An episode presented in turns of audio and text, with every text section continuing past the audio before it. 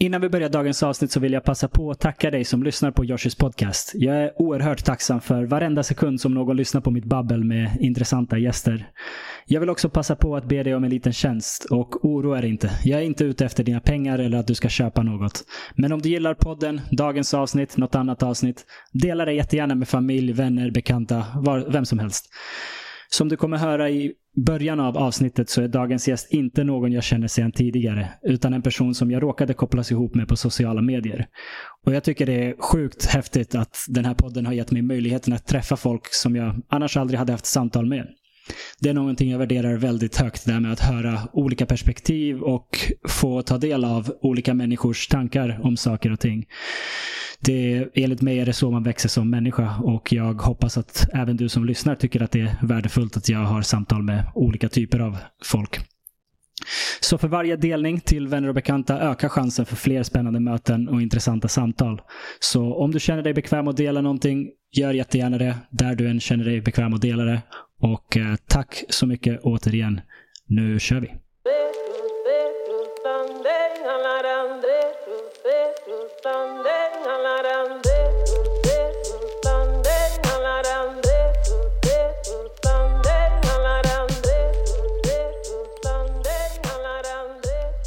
Alright, jag sitter här idag med Salman Saleh Khan. Um, en person som jag inte har träffat förut, så det här ska bli väldigt spännande. Ja. Välkommen Saleh. Tack snälla. Otroligt kul måste jag säga. Det, det är kul för jag, vi, vi har aldrig träffats innan. Nej, precis. Och vi har en gemensam vän som var med på podden. Um, och han, när han var här så delade han någonting på, på Instagram att han hade varit här. Mm. Um, och taggade min på, eh, vad heter det, podcastens Instagram-profil. Då. Ja, Och eh, du började följa mig. Eller just fö- följa ja, stämmer. profilen. Stämmer. Och som två dagar senare pratade jag med en av mina närmsta vänner, David. Och han säger, ja, jag hängde med, med en snubbe som heter Salle. Eh, och Marcus häromdagen. Och uh, ah, Salle var skitintressant. Du borde bjuda in honom på, på, på podden. Ja, nice. Uh, fan, fan vad sjukt. Jag hade precis lagt märke till att du hade börjat för Jag har så få följare så jag fortfarande lägger märke till allt. Ehm, Ja, och, och så tänkte jag, ja, men vad kul, jag testar. Så Ja. jag skrev till dig och du bara, visst, jag är på.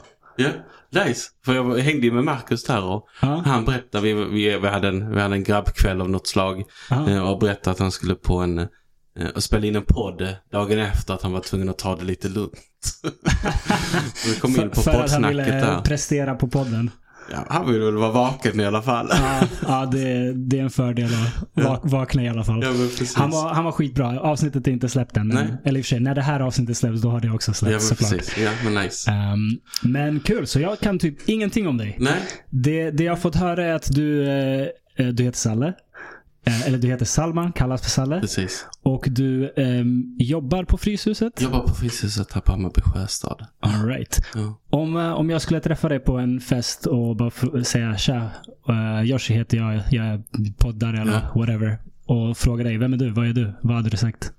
Eh, men jag har ju sagt Salle såklart. Uh, Ja. För det är det folk känner mig för. Um, jag behöver ju inte säga att jag är skåning. Det låter ju. Ehm, och sen skulle jag sagt att jag jobbar med, ungdoms, med, med unga eh, på Fryshuset. Mm. Ehm, det är väl egentligen lite kort så. Mm. För det är väl det jag gör. All right. Och när du säger jobba med un- unga, vad menar du då? Uh, nej men jag jobbar med, med unga, unga vuxna ehm, och stöttar dem i sin resa fram till eh, studier eller arbete eller om de vill skapa projekt. Så jag har jobbat egentligen mycket med socialt entreprenörskap Mm. där unga har kunnat söka pengar, där jag har handlett dem. Ehm, och det har växt fram till en utbildning på två veckor där jag eh, utbildar i eh, vad mina värderingar är, vad dina värderingar är, hur jag använder dem i mitt vardagliga liv. Mm. Ehm, och lite personlig ledarskap kopplat då till framtidsmål. Okej. Eh, mm. Fan vad intressant. Så, Ja. så du är inte lärare utan du började med någon sorts projekt? Ja men precis, jag är projektledare. Så jag jobbar Mm. på Fryshuset på våra sociala projekt. Vi har ju över 60 sociala projekt. Oj, okej. Ehm, och så har vi tre ben. Ungdomskultur, eh, där vi har basketen, Mm. öppna, fritid, öppna verksamheterna och så. Eh, och sen har vi arbete entreprenörskap där jag jobbar i. Så jag jobbar med lite äldre, Okej. unga, eh, unga vuxna. Eh, för att stötta dem in i arbetslivet eller studier. Mm. Och sen har vi Före dem med framtidstro, eh, där vi har lite andra sociala projekt. Okej. Fan vad intressant. Hur eh, kom du in på det här spåret? Uh, ja, det är väl intressant. Um, jag var nog, jag pluggade barn och fritid uh, på gymnasiet. Mm. Um, Jag har ingen aning om vad det betyder. nej, vad, vad är inte jag heller för jag började plugga det. Nej, men man blir väl en barnskötare efter Mm. gymnasiet. Um, och jag spelade fotboll uh, och gick den här idrotts, på idrottsskolan. Hatade skolan. Gick ut med otroligt dåliga betyg. Mm. Um, så fick gå liksom ett extra år för att plugga upp uh, matte, svenska och engelskan. Uh, och min storebror var så, okej, men ta bara en fritid och gör det. Mm. För jag tror det kommer bli enklast. För jag är också mer praktiskt lagd, har jag Mm. förstått nu. Um, och sen fick jag praktikplats på min fritidsgård som jag själv gick på. Som Okej. min storebror har gått på. Mina föräldrar känner alla fritidsledare. Liksom det. Um, och det var väl någonstans där jag förstod att eh, jag tyckte det här var nice. Mm. Eh, men också, det var en sp- specifik grej som jag kommer ihåg. Det var att man är väl ganska känd för, du vet så här, fotbollskille, lite stökig. Man hängde med de coola grabbarna. Mm. Ehm, och så hade vi en planeringsdag där vi skulle planera aktiviteter för förskoleelever. Mm. Och så har man ju en, en duktig person i, i klassen. Han eller hon eller hen spelar liksom ingen roll. Men den personen bara sa, eller iakttagit liksom hur jag hade gått ner på knäna när jag skulle prata med det här barnet. Eller så här. Mm. Som inte jag tänkte på. Jag tror det är någonstans har följt med att jag kanske har något här Lite som jag gör instinktivt. Mm. Sen fick jag jobba på fritidsgården och sen har jag jobbat på fritidsgård i tio år. Okej. Um, tog studenten två år senare än vad jag skulle. Jobbade ett år på fritidsgården jag fick jobb på efter praktiken. Ja. Um, reste Sydamerika ett år och backpackade var 21. Kom hem, fick fast anställning som fritidsledare. Har Mm. inte pluggat mer än gymnasiet. Ja. Jobbar några år till. Um, och på den vägen är det. Mm. Sen har jag pluggat internationella relationer och jobbat på socialtjänsten efter det. Okej. Eh, Men det är väl på den vägen. Det har liksom bara, det har Ja. liksom bara gått i liksom på något sätt. Det, det har bara flyttit på. Det har bara flyttit på. Du har hittat din nisch liksom. Ja, det är coolt. Vad, vad är det med det som du tycker är nice? Vad attraherar dig till den här typen av arbete? Um, nej men det är väl, jag tycker det alltid är en så svår fråga för, för det beror också på vilka jag möter. Men någonstans så vill jag väl också bara kunna vara en schysst person för, för, för andra människor. Mm. Kan jag på något sätt inspirera eller säga något eller göra något sorts av konkret verktyg som de kan använda x antal senare. Mm. Eh, så mår jag väl bra. Vårt arbete, vi ser ju inte direkta förändringar hos personer utan det, det kommer liksom flera Mm, år senare. Eh, Men när det väl kommer och man får reda på det, eller ser, eh, då sover man gott. Mm. Ja, det mår förstår man jag. bra. Mm. Härligt. Ehm, är det någonting du hade i din egen ungdom? Hade du mentorer som, som liksom hjälpte dig med de här bitarna? Ja, alltså det kom nog på senare. Jag har alltid haft fotbollen och fotbollstränare och vissa Mm. så här, eh, ledare som har varit i föreningarna som har sett den, som, som har varit lite mer, alltså de bara sett den och varit schysst. Ja. Fattat om någonting är dåligt eller, Mm. alltså personer som bara känner liksom. Mm. Så de har ju alltid haft, inte reflekterat så mycket över när jag var yngre. Men nu på senare år så har jag förstått, okej, det finns både fritidsledare, eh, syskon och andra människor i skolan och på fritidsgården som, som har gett intryck. Liksom. Mm. Som jag bär med mig, som jag bara, men jag vill vara som den här personen i de här situationerna. Eller så här, så ja. Så det finns en del. Mm. Jag, jag spelade i basket hela min ungdom. Mm. Och det är så otroligt viktigt hur, vilka ledare man har. Coach, Mm. Coacher och så. Det, bo, både hur mycket gott en bra ledare kan Ja. göra och hur mycket skada en dålig ledare kan göra. Så är det ju definitivt. ehm, i ungdomsverksamheten. Det är en, en sån nyckelperson i barnens eh, uppväxt. Ja men verkligen. Mm. Verkligen. Så en av de här kurserna, eller nu, nu är det alltså en två veckors kurs. Alltså det, är ett- det är ett till, eller? projekt. Verksamheten heter Powerhouse. Ehm, som är grundat i socialt entreprenörskap. Okej. Eh, men så har den här utbildningen bara växt fram i, i, i projektet. Liksom. Mm. Och du nämnde det unga vuxna, så vad är det från 16, 17 va? Ja, jag skulle säga lite äldre nu. Nu Okej. är det mellan 18 och 25 skulle jag ändå vilja säga. Okej. Mm. Och är det folk då som har egna idéer, socialt entreprenörskap, som, som hör av sig? Eller hur, hur funkar det? Ja, men det är lite blandat. Eh, vi har ju en folkhögskola på, på Fryshuset också. Mhm. Ehm, lite allmänna kurser eh, för folk som vill plugga upp sina betyg eller behöver ett nytt betyg för att komma in på något sorts, eh, på, på, på ett annat. Ehm, så oftast, nu har jag väl kört mycket för, för dem, så de har anmält sig. Och vissa är där för, för att eh, fixa sina betyg. Mm. Eh, vissa har ett större mål. Mm. Och vissa har inga mål. De bara, "Nej, men jag kom hit för att jag hörde att min, min kusin gick här och Ja. folk var schyssta och eh, det gick bra för honom eller henne liksom. Ehm, så det är väl mest de just nu i alla fall, eller den målgruppen i alla fall. Okej, så det kan vara väldigt blandat. Ja Alltså. men verkligen. Jag känner ju till Fryshusets gymnasium Mm. och jag känner till basketverksamheten där i och med Mm. att jag själv har spelat basket. Men jag visste inte att det fanns en folkhögskola också där. Nej, vi har också en gymnasieskola och en grundskola. Okej, så det, det är allt möjligt som händer på Vi, Fryshuset? vi har nog det mesta. Ja, ja. Ja, fett. Ja, det är kul. Det är ett intressant hus. Så, så du hör till folkhögskoledelen? Alltså jag har till arbete entreprenörskap på sociala projekt. Okej. Men har liksom hittat en målgrupp som jag tycker är nice att jobba med. Okej. Eh, vi säger oftast att från du tar studenten fram till du hittat ett jobb och eh, etablerat det på något sätt så försvinner också någon sorts av vuxen närvaro. Ja. Du fyller 18, du ska klara dig själv. Ja. Och man förväntas lite det. Och att där har väl jag märkt och mina kollegor märkt att där, fatt, där blir ett gap liksom med vuxenstöd. Mm. Ehm, så nu är det lite fo- fokus på, på just den målgruppen där vi då tror att det fattas ett vuxenstöd. Okej. Skitbra. Det, det, det känns nice. som att det finns många som har det behovet och Ja. Jag kan tänka mig att det är väldigt uppskattat. Hur, hur många personer jobbar du med? Hur många unga vuxna jobbar du med per tillfälle? Mm. Hur funkar det? Nej men jag försöker inte ta mer än 12 stycken. Eh, Mm. Och sen är det jag och sen brukar jag oftast med mig en processledare eller någon som kan hjälpa till i rummet. Ehm, men det är bara för att jag ska kunna få någon personlig kontakt med, Ja. med, med allihopa och känna att jag hinner jobba med, med dem. Mm. Ehm, men så runt, runt 12 stycken per gång. Um, Sen finns det andra uh, små verksamheter i den stora verksamheten som jag gör. Liksom. Men, men Mm. utbildningen har väl blivit en, en main point just nu i alla fall. All right.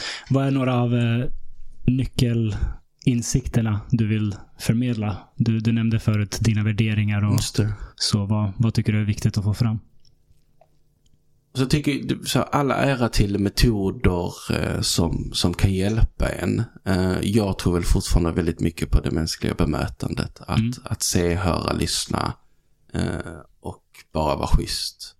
Mm. Att, att jag tycker inte det skadar om, om någon annan fokuserar en liten, liten stund på en. Liksom. Ehm, och jag tror, gör man det och, och gruppen eller individen i fråga känner sig bekväm, då tror jag har vunnit mycket. Och då tror jag också jag kan få in metoderna på ett enklare sätt när jag också förstår individen eller individerna. Liksom. Ja. För då kan jag paketera om det lite, sätta det i kontext som är verkliga. Mm. För ibland är ju teori, alltså teori bara teori. Mm. Svårt ibland då att placera in det i något praktiskt. Eh, genom att förstå och lära känna. Eh, så jag kan ta fram egna erfarenheter. Eh, kopplat till en viss metod eller, eller så. Okej. Men du vet så här bara, du vet så här. Mjuka värden. Ja. Hur mår du? Hej. Eh, det räcker, det, så här, vi säger det ofta. Mm. Mm. Men det, det går så långt. Mm. Alla vill känna sig hörda och sedda. Ja men precis, utan, utan fördomar. Otroligt svårt. Fördomar har vi allihopa. Det har jag också. Eh, man tittar på en person eller på något och så dyker det upp bilder i huvudet eller tankar. Eh, och det är väl det som är det jobbigaste, att försöka jobba bort det för att möta individen. Mm. Och det behöver jag kämpa med än idag fast jag har jobbat med unga och människor i 15 år. Såklart. Mm. Ehm, vad, eh, vad tycker du är det mest utmanande med det här jobbet? Um, men jag som individ, det är väl att jag ska orka hålla energin uppe. Mm. Orka ta in information, orka lära känna. Mm. Um, jag behöver hitta mina sätt för att hämta energi Mm. eh, och få slappna av. Som har varit otroligt svårt. Um, när jag började jobba som fritidsledare så kunde unga ringa mig klockan två på natten för det Mm. hänt någonting och jag var alltid där. Tog bilen Ah, och fan, körde. det där är så svårt. Man kan Ja. ju inte heller stänga av. Det går inte. Nej. Men jag, lärt, jag tror jag har lärt mig det nu. Med många år av, av eh, eh, alltså stöttning Mm. 24-7. Mm. Eh, där vissa har blivit, där vissa situationer har blivit jättenice. Mm. Men också där jag har fått, vad vi brukar säga, ganska hårt, men så lite knivar i ryggen. Liksom. Man har tror man har hjälpt, man blivit lite utnyttjad av unga. Ja. Ehm, så jag har nog lärt mig otroligt mycket genom också otroligt mycket misstag. ja. Eh, idag är jag väl ändå lite, lite mer med på, på Hur- banan. Hur länge har du jobbat med det här nu? Nej men med unga har jag jobbat sedan jag var, sedan jag var 17 egentligen då. Men på riktigt liksom så fritidsledare sedan jag var, sedan jag var 19-20. Och innan det så har jag varit, du vet så här, tränare på träningsläger när jag var 14 och Ja. lite så. Men som, som profession som fritidsledare sedan jag var 20. All right. Nu är jag 35 eller fyller 36. Ehm, jag har jobbat som chef i olika befattningar. Mm. Och nu när du pratar om det här med att Mm. bli uppringd på klockan två på natten Mm. så får jag flashbacks till, till sådana situationer. verkligen. när man ser det ringa om man är på en middag med vänner eller någonting. Det är så här, jag, vill inte svara, Nej. men jag måste. Mm. Man, även om man inte måste enligt sitt kontrakt. Det är liksom inte ett krav på en att man är jour. Nej, precis. Men det, det mänskliga i en, man kan bara inte ignorera det. Det, Nej, så är det ju. det är tufft. Det är tufft. Det är otroligt tufft. Samtidigt måste man sätta gränser för att inte själv Ja. bli utbränd eller, eller Mm. utnyttjad och så. Men det, är- det är en svår eh, balansgång. Ja men precis, lika mycket som vi utbildar så behöver vi också lära oss det här vi utbildar i att, att vet, så här, jag behöver också lära mig sätta gränser. Jag behöver också Ja. förstå mig själv. Vet, så här, vilka situationer kan jag sätta mig i där det inte påverkar mig för mycket. Mm. För det, är så här, det är fru och det är familj, alltså det ska ju också räcka till med energi Mm. liksom. Så det, det, är, så, så liksom, det är otroligt svårt, jag lär mig hela tiden. Ja. Eh, Fortfarande än idag liksom. Ja. Ehm, men nu jobbar jag ju innan har jag jobbat på so socioekonomiska utsatta områden liksom. Ja. Eh, där har jag jobbat väldigt mycket med unga. Mm. eh, som det också gått ut för liksom. Ehm, idag jobbar jag med lite lättare, Mm. alltså frågorna är lite lättare. eh, och behövde också en paus från, från, från Ja. det andra liksom. ja, jag förstår det. Ja. Ja, det är Okej. komplext och kul. Ja. Ja, verkligen. Ehm, så re- resultatet för en um, ung vuxen som kommer och är med på den här kursen. Mm. Vad är tanken att det ska vara? Eller vad, vad, vad, ja, vad är Mm. det u- ultimata resultatet?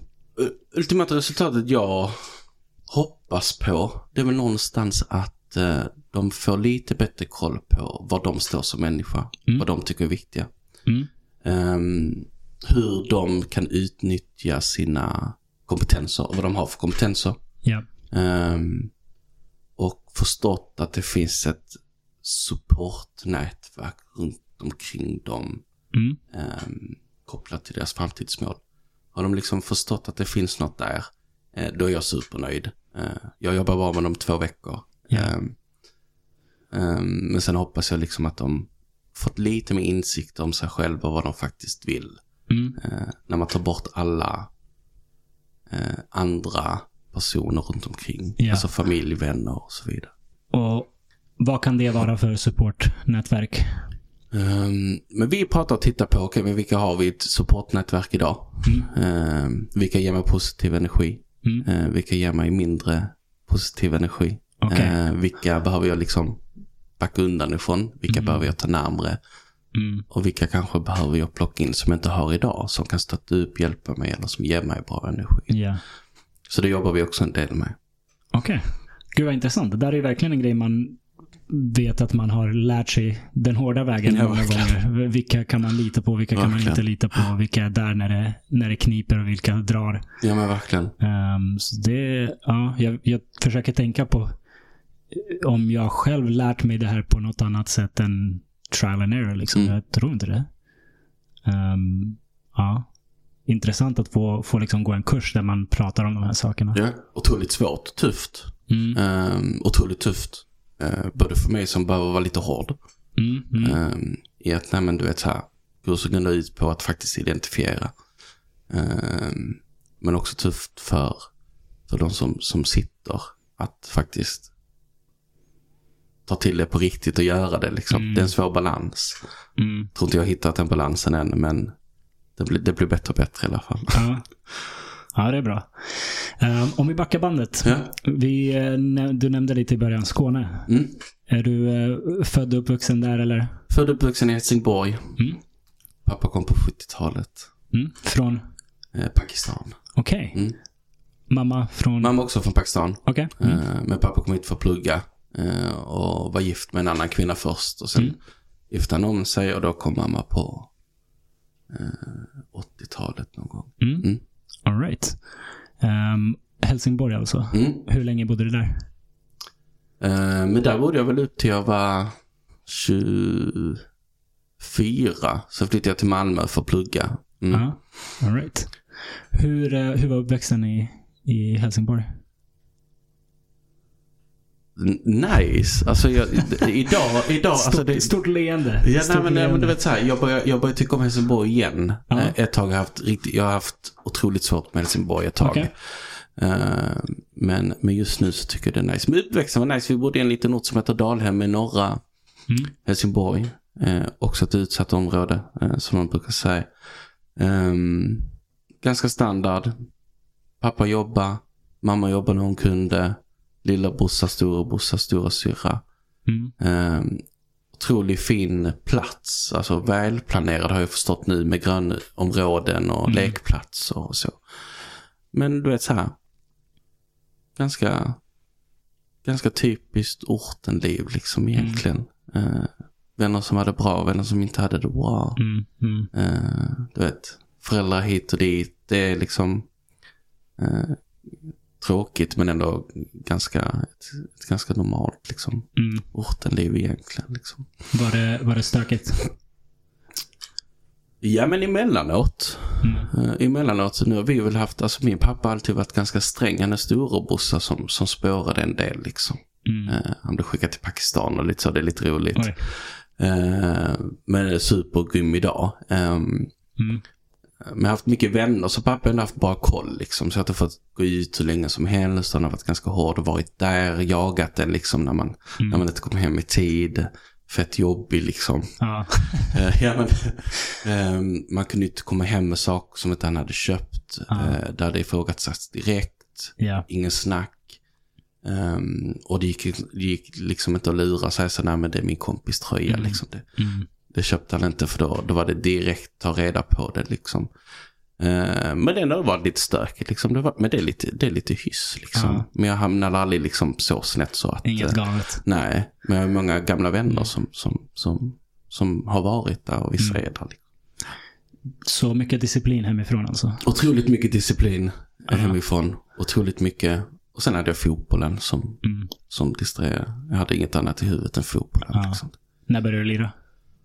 Och jag, jag vet inte, fem kanske. Ja. Ja. Hur, eh, hur länge körde du?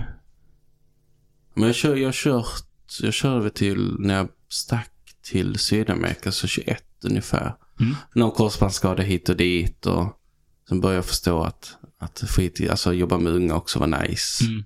Och att resa och äta och, och dricka och så också vä- ganska trevligt. Så då, eh, Man brukar upptäcka en del grejer ja, ja, 20-21. men- ja, men precis. Eh, Så på den vägen liksom. Ja. Har alltid någon sorts connection till fotbollen liksom. Ja. Sen har det varit olika, ehm, olika roller egentligen. Ja. Och eh, vad, vad spelade du för position när du lirade? Så jag började som ytterback. Okej. Eh, sen var jag inom mittfältare. Sen har jag också varit yttermittfältare. Så mest yttermittfältare, alltså på mittfältet oftast. Mm. Ibland som en tia. Eh, Okej. men det var de senare åren när jag hade gått upp lite i kilo. Ehm, jag, jag, jag spelade ju basket hela livet, men, men några år körde jag korpen fotboll. Jag fattar. Ehm, och jag var helt värdelös Ja. liksom, te- teknikmässigt. Ja. Men jag kunde springa mer än någon annan för att jag var vältränad och, och, liksom, ja, sprang mycket med basketen. Så de satte mig på ytterback. För där, där gör jag min skada och jag kan springa fram och Mm. Tillbaka. Vara med i anfall och försvar. Ja. Och jag gjorde ett mål under de här tre, Ja. tre fyra åren som jag lirade Korpen. Ja. Det var tyvärr ett självmål dock. Korpen låter livsfarligt. Ja, ja verkligen. Verkligen. vet man kan få en gammal bild av hur, hur korpen spelas Ja. idag än vad det kanske gjorde förr. Eh, Ja, men det, det, är ju- det är ju farligt. För att det är en blandning av folk som kan lira och folk som inte har en susning. Nej, Ja. jag har inte spelat så mycket korp. Jag har inte vågat för mina, mitt knä är så jävla Ja. dåligt liksom. Men ja, Ja. fattar. Har du behövt operera? Du, du nämnde korsband. Ja, jag har korsbandsoperationer i höger. Ja. Behöver egentligen gå in i vänster och, och eh, röra lite på menisken där också. Mm, så det är var ute och spelade basket lite igår. Ja. Och, och känner det båda knäna idag liksom. Ja. Så det, ja, Det känns. de det snabba känns. ryckningarna funkar liksom inte längre. Man börjar bli äldre. ja, men precis. Um, bara hobby lirbasket eller har du spelat? eh, Nej, bara hobbylir. Vi spelade så mycket fotboll så på sommarna så, Ja. så du vet, då var det mer. Man hängde med polarna på basketplanen, spelade Ja. musik och, och kastade lite liksom. vilka var coolare? Fotbollsgänget eller basketgänget? Nej, men i Helsingborg var det inte så mycket basket, så var det mycket fotboll. Mm. Så handbollen var också en stor, stor del i, i Helsingborg eh, och innebandyn liksom. Mm. Men jag vet inte, jag kom i sammanhang där fotboll alltid har varit det coolaste Mm, liksom. Så. mm. Eh, Så kom jag till Stockholm och jobbade på Fryshuset där fotboll Ah. inte alls har lika stor del i det. Inte utan där alls. basket är otrolig liksom. Så det, ja. Eh, Men det är kul. Det är kul. Ja. Ja. ja, men nice. Ehm, sen flyttade du till Malmö sa du? men precis. För studier eller? För studier. Mm. Eh, när jag var 24. Eh, och då pluggade jag internationella relationer. Mm.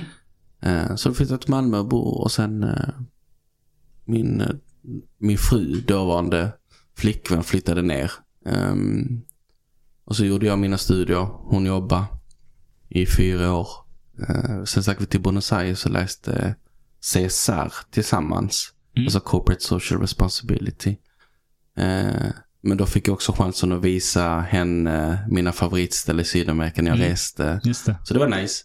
Härligt. Um, så vi bodde vi där sju år innan vi kom till Stockholm för fyra år sedan. I Buenos Aires? nej, nej, i, i, Ah, i Ma- Malmö. i Malmö. Ah, förlåt, okej. ja. nej, i Buenos Aires, vi var där ett år. Okej, okej. Mm. Um, en liten sväng i Göteborg Ja. efter det. För då var det, var det fruns tur att plugga. Ja. Uh, och sen har vi varit i Stockholm nu i fyra år. All right. Lite här och var alltså. Ja. Hur kommer det sig att du ville plugga internationella relationer? Um, egentligen vill jag bli socionom.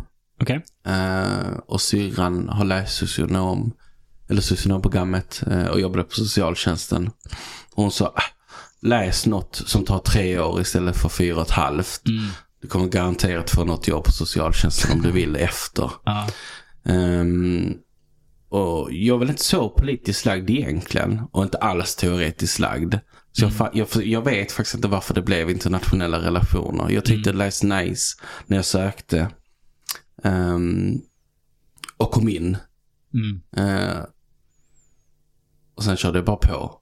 Jag fattar fortfarande inte hur jag lyckades. Men eh, ehm, ja, Tyckte du det var kul då? det, ja, men det blev intressant. Alltså Ja. det blev väldigt intressant. Det var då jag också började förstå att perspektiv spelar roll. Man måste kunna se saker och ting i olika perspektiv. Mm.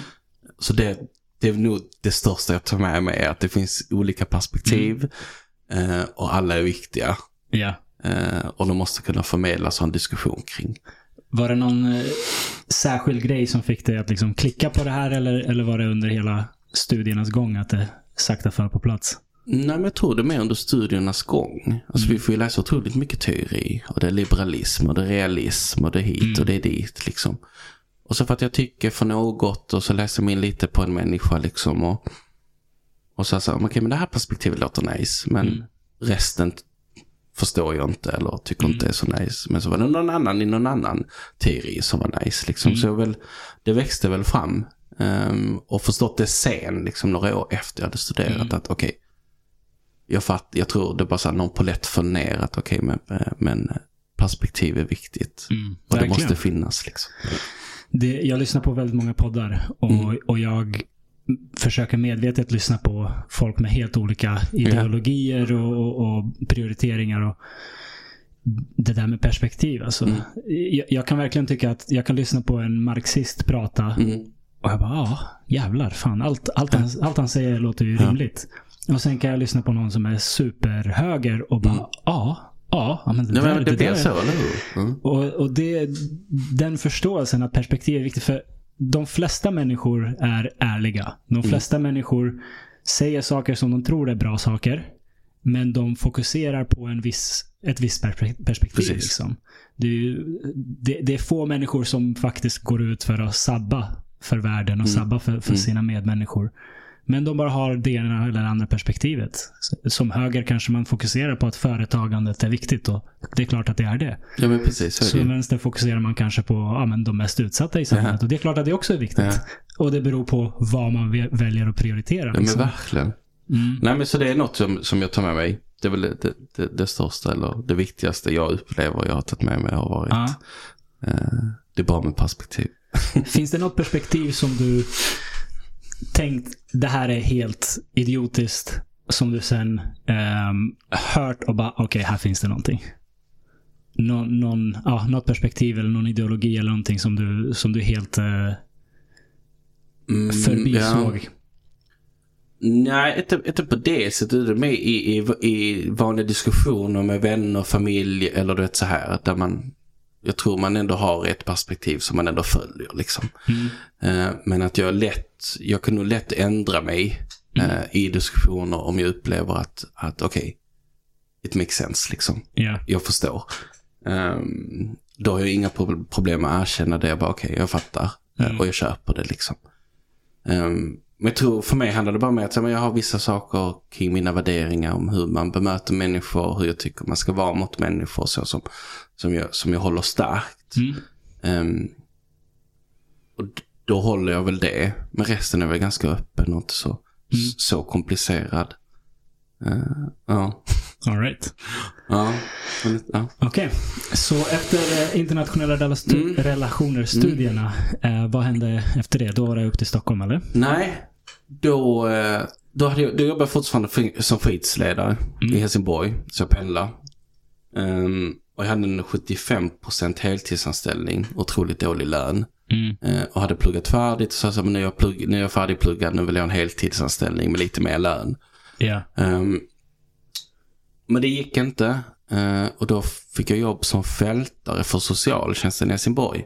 Mm. Eh, och då hamnade jag på socialtjänsten som systern också sa att jag skulle göra efter mina studier. Ja. Och då jobbade jag som fältare eh, för socialtjänsten i fyra år i Helsingborg. Vad innebär det?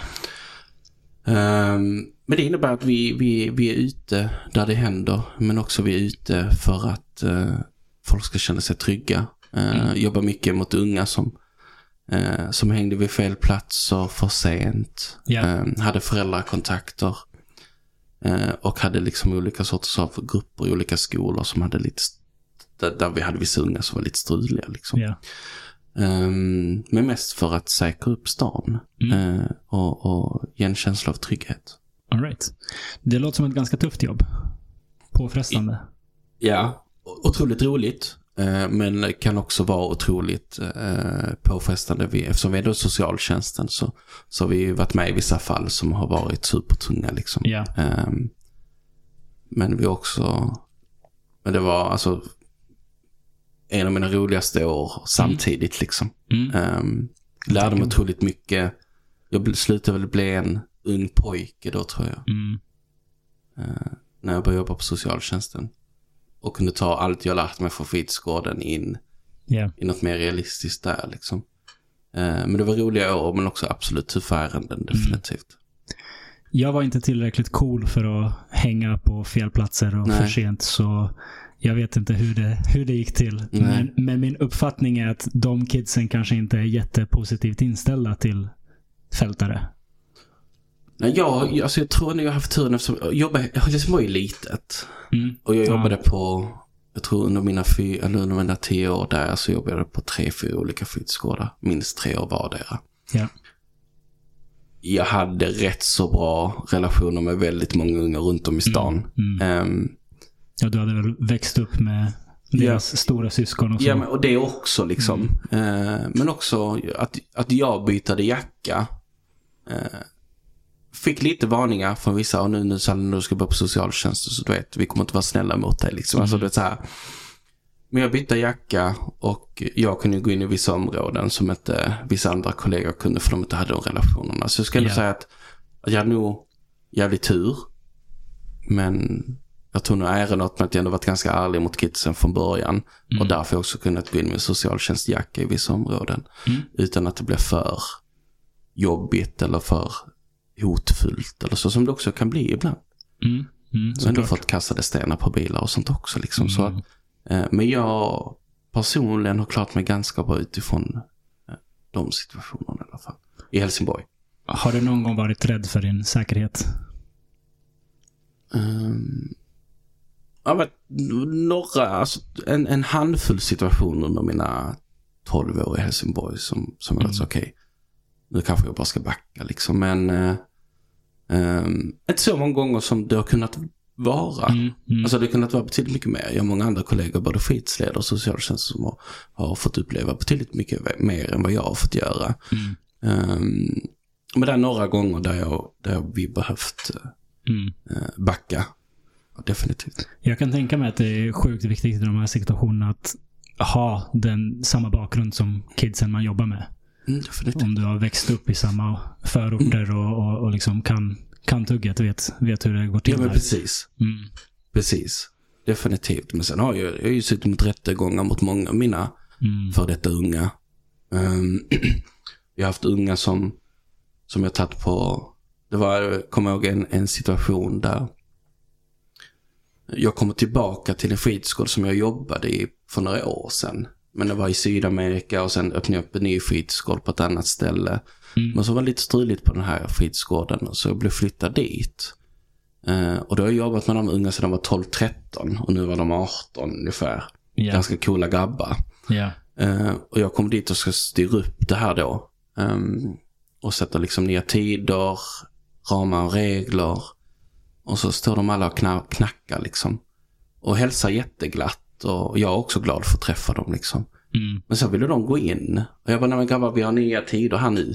Eh, vi öppnar klockan fem Mm. eh, för er. Nu är det de yngres tur. Och då, du vet, då helt plötsligt bara så men Salle, vem fan tror du att du är? Vi har ju varit här Mm. klockan två varje dag i tre år. Mm. Och jag bara, ja men du vet så här. Nya regler, kom klockan fem, jag sätter på kaffet och så snackar vi skit det länge sen. Men då märkte jag för första gången, okej. det, det här är ju vuxna killar nu Mm. som har fått Mm. göra lite vad de vill. Ehm, och det var det första gången jag blev så, okej jag behöver tänka och förstå Mm. och lära mig hur jag ska hantera de här situationerna. Men det blev bra till slut. Jag, alltså det, det var, man fick, man fick liksom hålla dem ute. Mm. Inte bara stänga dem, man fick hålla dem ute liksom. Så jag fick ut och hänga med dem ute. Okej. Det var, Ja. min, det var mitt sätt att få dem att inte gå in. Det var att jag gick ut och hängde Mm. med dem på parkbänken. Okej. Eh, Men det är en sån situation där jag först kände så, okej shit. eh, nu behöver jag tänka om. Ja. För nu är det här stora killar liksom. Ja. Vad, vad finns det för eh, nycklar till framgång? Vad, vad är viktigt för att vara duktig på det här jobbet? För att jobba med ungdomar? Så tror jag ändå det är viktigt att man kan relatera Mm. och förstå. Ehm, för då kan du hantera vissa situationer på ett sätt som man kanske inte hade gjort om man inte upplevt det eller förstår det ur ett annat perspektiv. Liksom. Sen tror jag att det är att vara sig själv. Jag har väl upplevt många att man försöker vara någonting annat. Man försöker spela någonting man inte är för Mm. att man vill ge en bild av ungen att jag förstår Mm. det här. Eh, och unga är smarta. De, de ser igenom det ganska så snabbt. Oh ja.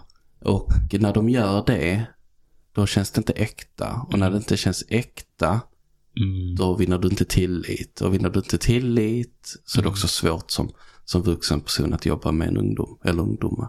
Mm. Ehm, och det är väl också det svåraste att vara sig själv. Jag brukar Ja. säga det är det enklaste i en fotbollsplan. Det är ju att spela enkelt. Mm. Men det är också det absolut svåraste, att Mm. spela enkelt. Ja. Det mest enklaste är det svåraste att göra. Mm. Hur kan jag bara vara med 100%, 100% mig själv eh, i vilken arbetsplats eller vilka sociala sammanhang som helst. Mm. Mm. Det är inte lätt alltid. Och det har jag fått jobba med mycket. Ja. Ja. Har du något tips Eh, nej men det, det, det fan det är blod, svett och tårar. Alltså du vet det är lite kneva i ryggen. Man måste göra sina misstag. Ja. Men också förstå vem jag är som person. Och också kanske lite hårt. Är det här rätt arbetsplats för mig? Är det det här Mm. jag ska göra? Ehm, har jag den kompetensen som behövs liksom för att faktiskt göra det på ett genuint sätt? Mm. Eh, Så det är nog mer att man är hård mot sig själv och, Mm. och lär sig mer om sig själv än något annat. Ja. Till att börja med i alla fall. Kanske att man inte ska ta saker personligt heller om det inte klickar. Nej, eller? verkligen inte. Det är väl Mm. också en annan sak att man kan inte bli vänner med allihop. nej, nej, precis. Det kommer vara unga som kommer tycka om mig bara för den jag är. Och vissa Ja. kommer vara så, uh, Sally jag orkar inte liksom. Ja, Men den andra personen där är fett nice liksom. ja. Att, att kunna släppa det. Ja, det har du rätt i. Definitivt. Men fan vad givande det måste vara när man jobbar med någon ungdom som är ja, pro- problematisk. Mm. Som eh, efter ett tag hamnar på, på rätt bana eller vad man ska säga, styr upp sitt liv.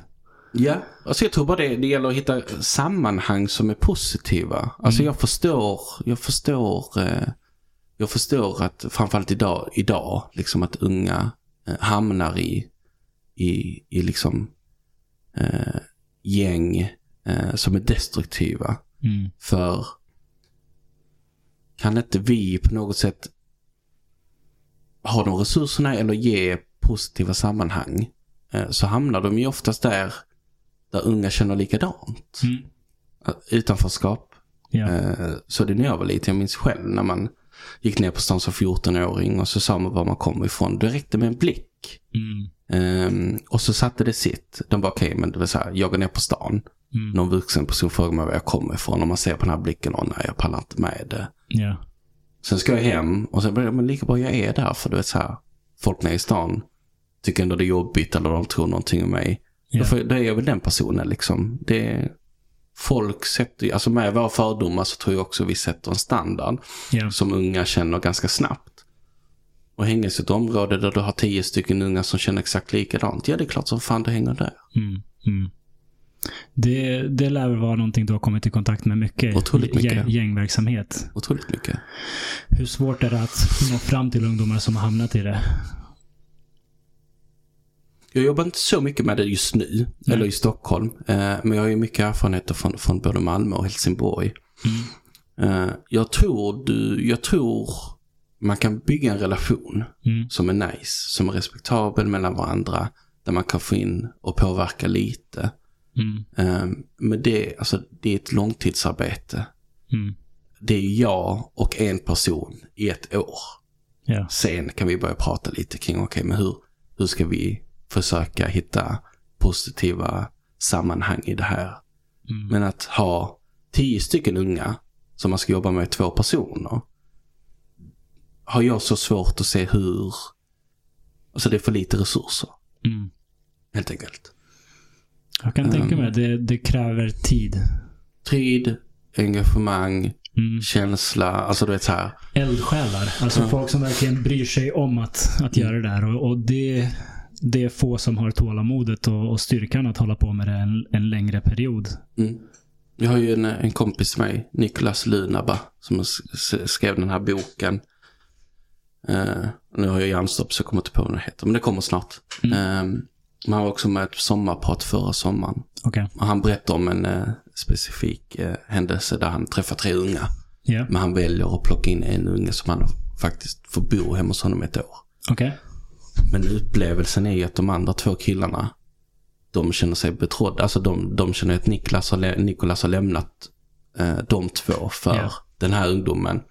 Och de här två unga, en, en tror jag har gått bort och en har liksom varit med om skjutningar liksom. Mm. Och hur det påverkar Niklas att shit, jag vill ju hjälpa alla. Mm. Men det går inte. Det går inte. För nu har jag ju tagit in den här ungdomen. Han är ju med mig i mitt privata liv. Ja. Alltså, hur sorgligt den är och hur mycket resurser den krävs så tror jag ändå det är nästan så man måste göra för att kunna nå. Mm. Det gäller, räcker inte med våra åtta timmar Man, på... man går ju under om man ska hjälpa alla. Ja, det går Mm. inte. Mm. Det tar otroligt mycket energi. Ehm, Du började ju med det här jobbet väldigt ung. mm, Och mm, jag tänker att de här insikterna, att det går inte att hjälpa alla och man måste begränsa sig själv Mm. och så. Det är ju inte något man har naturligt, eller i alla fall Nej. inte allihopa har naturligt från, från ungdomen. nej. Hur, hur gjorde du för att hantera det här? Hur, hur liksom lyckades du ta dig igenom det här utan att ja, bränna ut dig själv? Just det. Nej, men, en pappa som har jobbat på socialtjänsten Mm. eh, med budget och skuldrådgivning. Eh, min storebror jobbade också som fritidsledare och resurs på skola. Eh, min stora syster har gjort samma sak. Eh, så jag har alltid kunnat prata med dem. Eh, Ja, så de har mycket erfarenhet där. Men jag fick, du vet, fick en hård skola när jag praktiserade på fritidsgården och när jag började när jag var ung. Mm. Jag minns än idag liksom att en av mina fritidsledare som då blev mina kollegor fick liksom flera gånger säga till mig så här, men du vet, hänger du här eller jobbar du här? För mina kompisar lika gamla som är där liksom. Ja. Um, så framförallt mina första fritidsledare som också blev mina kollegor. De har ju stött mig otroligt mycket i, i just den professionen. Okej. Mm. Ehm, men sen igen, många misstag och eh, reflekterat över det och försökt förstå vad som gick fel eh, och sen tagit det därifrån. Ja. Så hela familjen har på ett eller annat sätt jobbat med de här frågorna alltså? Ja, ja på, på, på ett eller annat sätt så har vi jobbat med människor Mm. allihopa. Är det någonting ni pratade mycket om när du var liten? Fick du de värderingarna från familjen? Ja, men alltså pappa var väldigt mån om att vi skulle ha en, en aktivitet utanför skolan. Ja. Och att det var viktigt. Ehm, han var också väldigt mån om att, att vi skulle förstå att eh, vi behöver lära oss språket ordentligt. Vi behöver också ha en mix av vänner. Ehm, för de kulturella skillnaderna men också för, för språket och, och, och så. Mm. Eh, Så det har väl varit en stor del i det. Tror jag inte vi, vi har pratat så mycket. Det är väl mina syskon och, och vi i så fall Mm. eh, pratar om det sen. Jag fattar inte att jag var bara jobba på människor förrän jag var 25. Mm. Mm. Så det är ju mina syskon som har fattat, okej, Ja. du, du vet, lillskiten har något liksom. Ah. Ehm, så- så det är ju dem och sen tillsammans med, med mentorer som fritidsledare så som, har- som liksom banat vägen utan jag själv har fattat egentligen. Ja. Alltså, har jag förstått nu på senare år. Ah. Ja, men det, är- det är coolt. Det är, folk i ens omgivning ser ofta saker som man själv inte ser. Nej, Speciellt när man är ung fortfarande och inte fattar vad man har för... nej. Vad man är duktig på. Nej, Mm. och det är det jag har förstått i mitt arbete. Att de unga jag träffar nu, eller de unga vuxna jag träffar nu, de kan ju tycka att jag är nice, jag är schysst. Mm. Men att det är så här, förhoppningsvis så hoppas jag att när det finns ett vägval eller det sker någonting så har jag sagt eller gjort något som de kan plocka fram från sin ryggsäck och säga så här, Ja. fan du vet så här, jag minns det här samtalet med Salle, jag tar höger istället för vänster eller, eller vad det nu skulle kunna vara. Eh, Och det är inget jag förväntar mig av någon efter två veckor liksom. Att Mm. jobbat med dem. Um, för det var en fritidsledare som sa det att det enda du kan göra det är ge dem verktyg Salle. Du Mm. kan inte förändra. 21 år, fett naiv du vet. Nu ska jag ta den här 12-åringen, nu ska jag, du vet han ska bli fett bra nu liksom. Ah.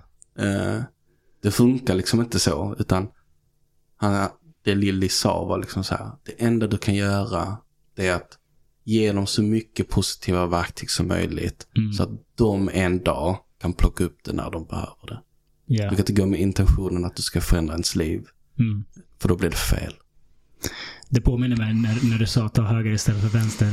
Lyssnar du mycket på hiphop? Ja.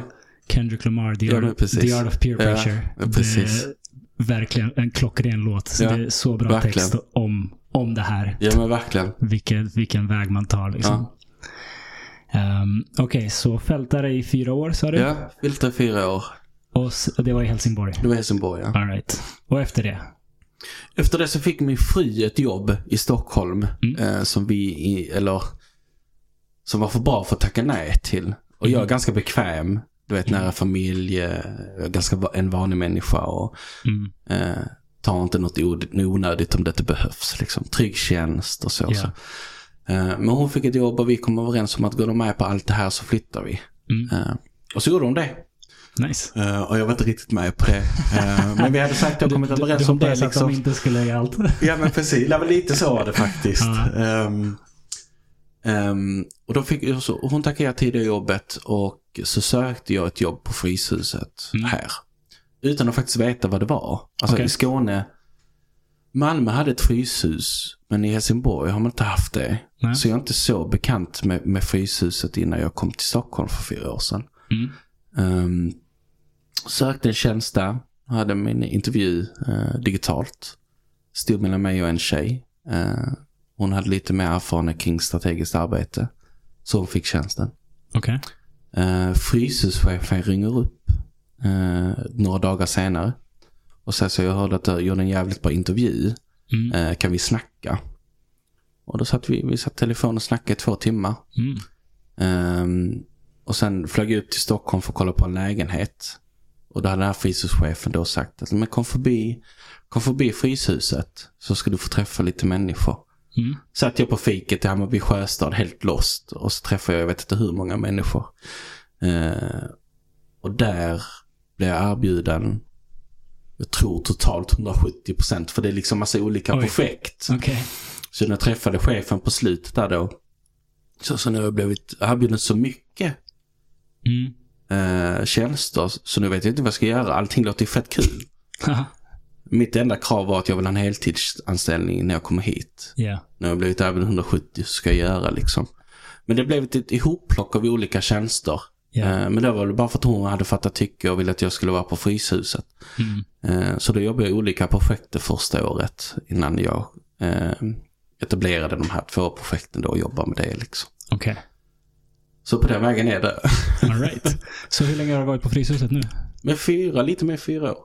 Mm. Mm. All right. Så det började med lite blandade projekt som sen kristalliseras till det du håller på med idag. Ja men precis. Mm. Ja, så jobbade jag så här 45% där, 30% där. Mm. För att jag skulle ha min heltidsanställning, eller heltidstjänst liksom. Ja. Och nu är det minnat ut i två, två projekt Okej. som jag har. Du nämnde att de här projekten är på två veckor. Var Ja, det är en kurs är det. Just det, kursen var det. Precis. Okej, men är projektet pågående hela året? Det är hela året, ja men precis. Jag har ett Mm. advisory board som jag hyr ut till, eh, till företag. Så just Okej. nu har jag tio unga som är anställda som Arlas Youth Advisory Board. För de ska ta fram en ny frukostprodukt. Aha. För dem lite schyssta, du vet, eh, personer i CVt. Mm. Får tjäna lite pengar. Ehm, och sen gör vi lite, de får vara med och bestämma lite i vår verksamhet i Powerhouse också.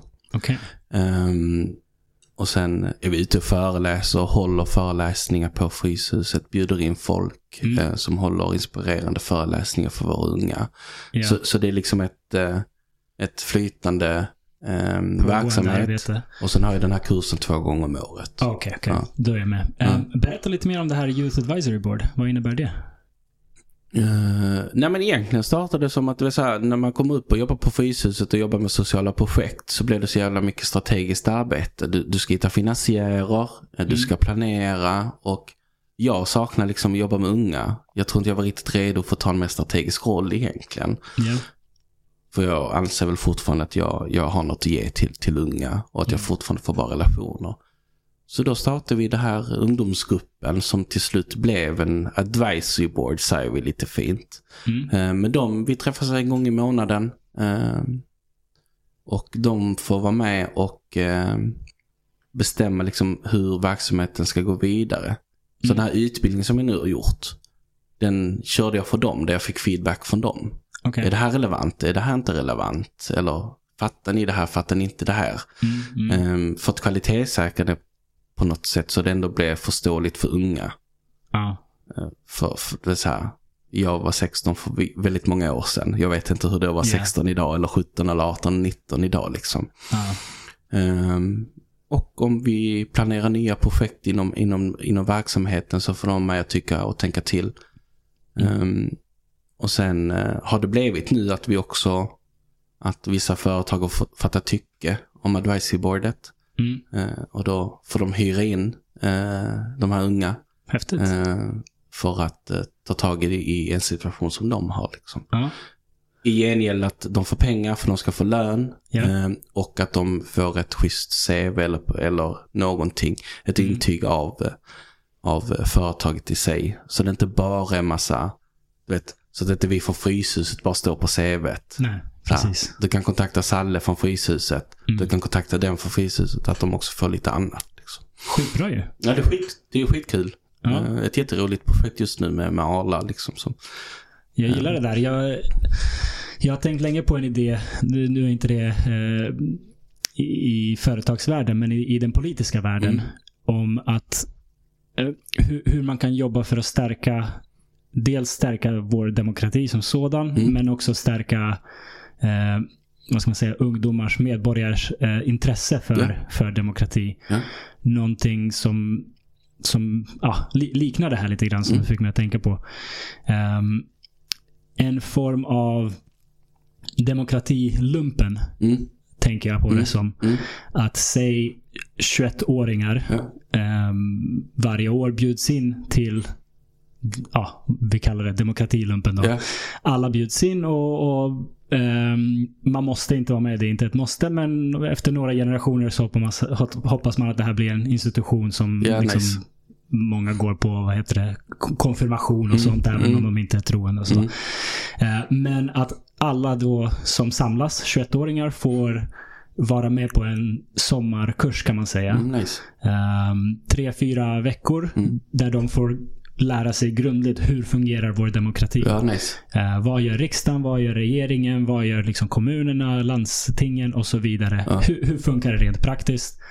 Och sen sista två, tre veckorna, eller vad det nu blir, eh, få faktiska frågor från eh, riksdagen eller regeringen som, som de jobbar med. Ja. Och så får de här, den här poolen av 21-åringar diskutera de här Mm. frågorna och ta fram rekommendationer. Just det. Ehm, och sen är inte politikerna såklart bundna att göra för det är deras Så- ansvar så det. för vad som händer. Men det, det blir förhoppningsvis efter ett tag kutym att ja, Ja. man, man, man lyssnar på det ungdomar säger och kanske går åt det hållet. Ja. Nice. Ehm, det är en idé jag har tänkt på. Att det, det skulle verkligen stärka dels intresset för och förståelse för hur det funkar, men också kanske ge lite av en kärlek för att allt det här runt omkring oss är vårt. Verkligen. Alltså Ja. verkligen. Verkligen. Men det är superintressant för, för när jag pratar socialt entreprenörskap så pratar jag egentligen att unga, alltså det här är väldigt tidig stadie när de sökte handledare och pengar hos oss. Mm. Um, alltså superlåg trösklat liksom.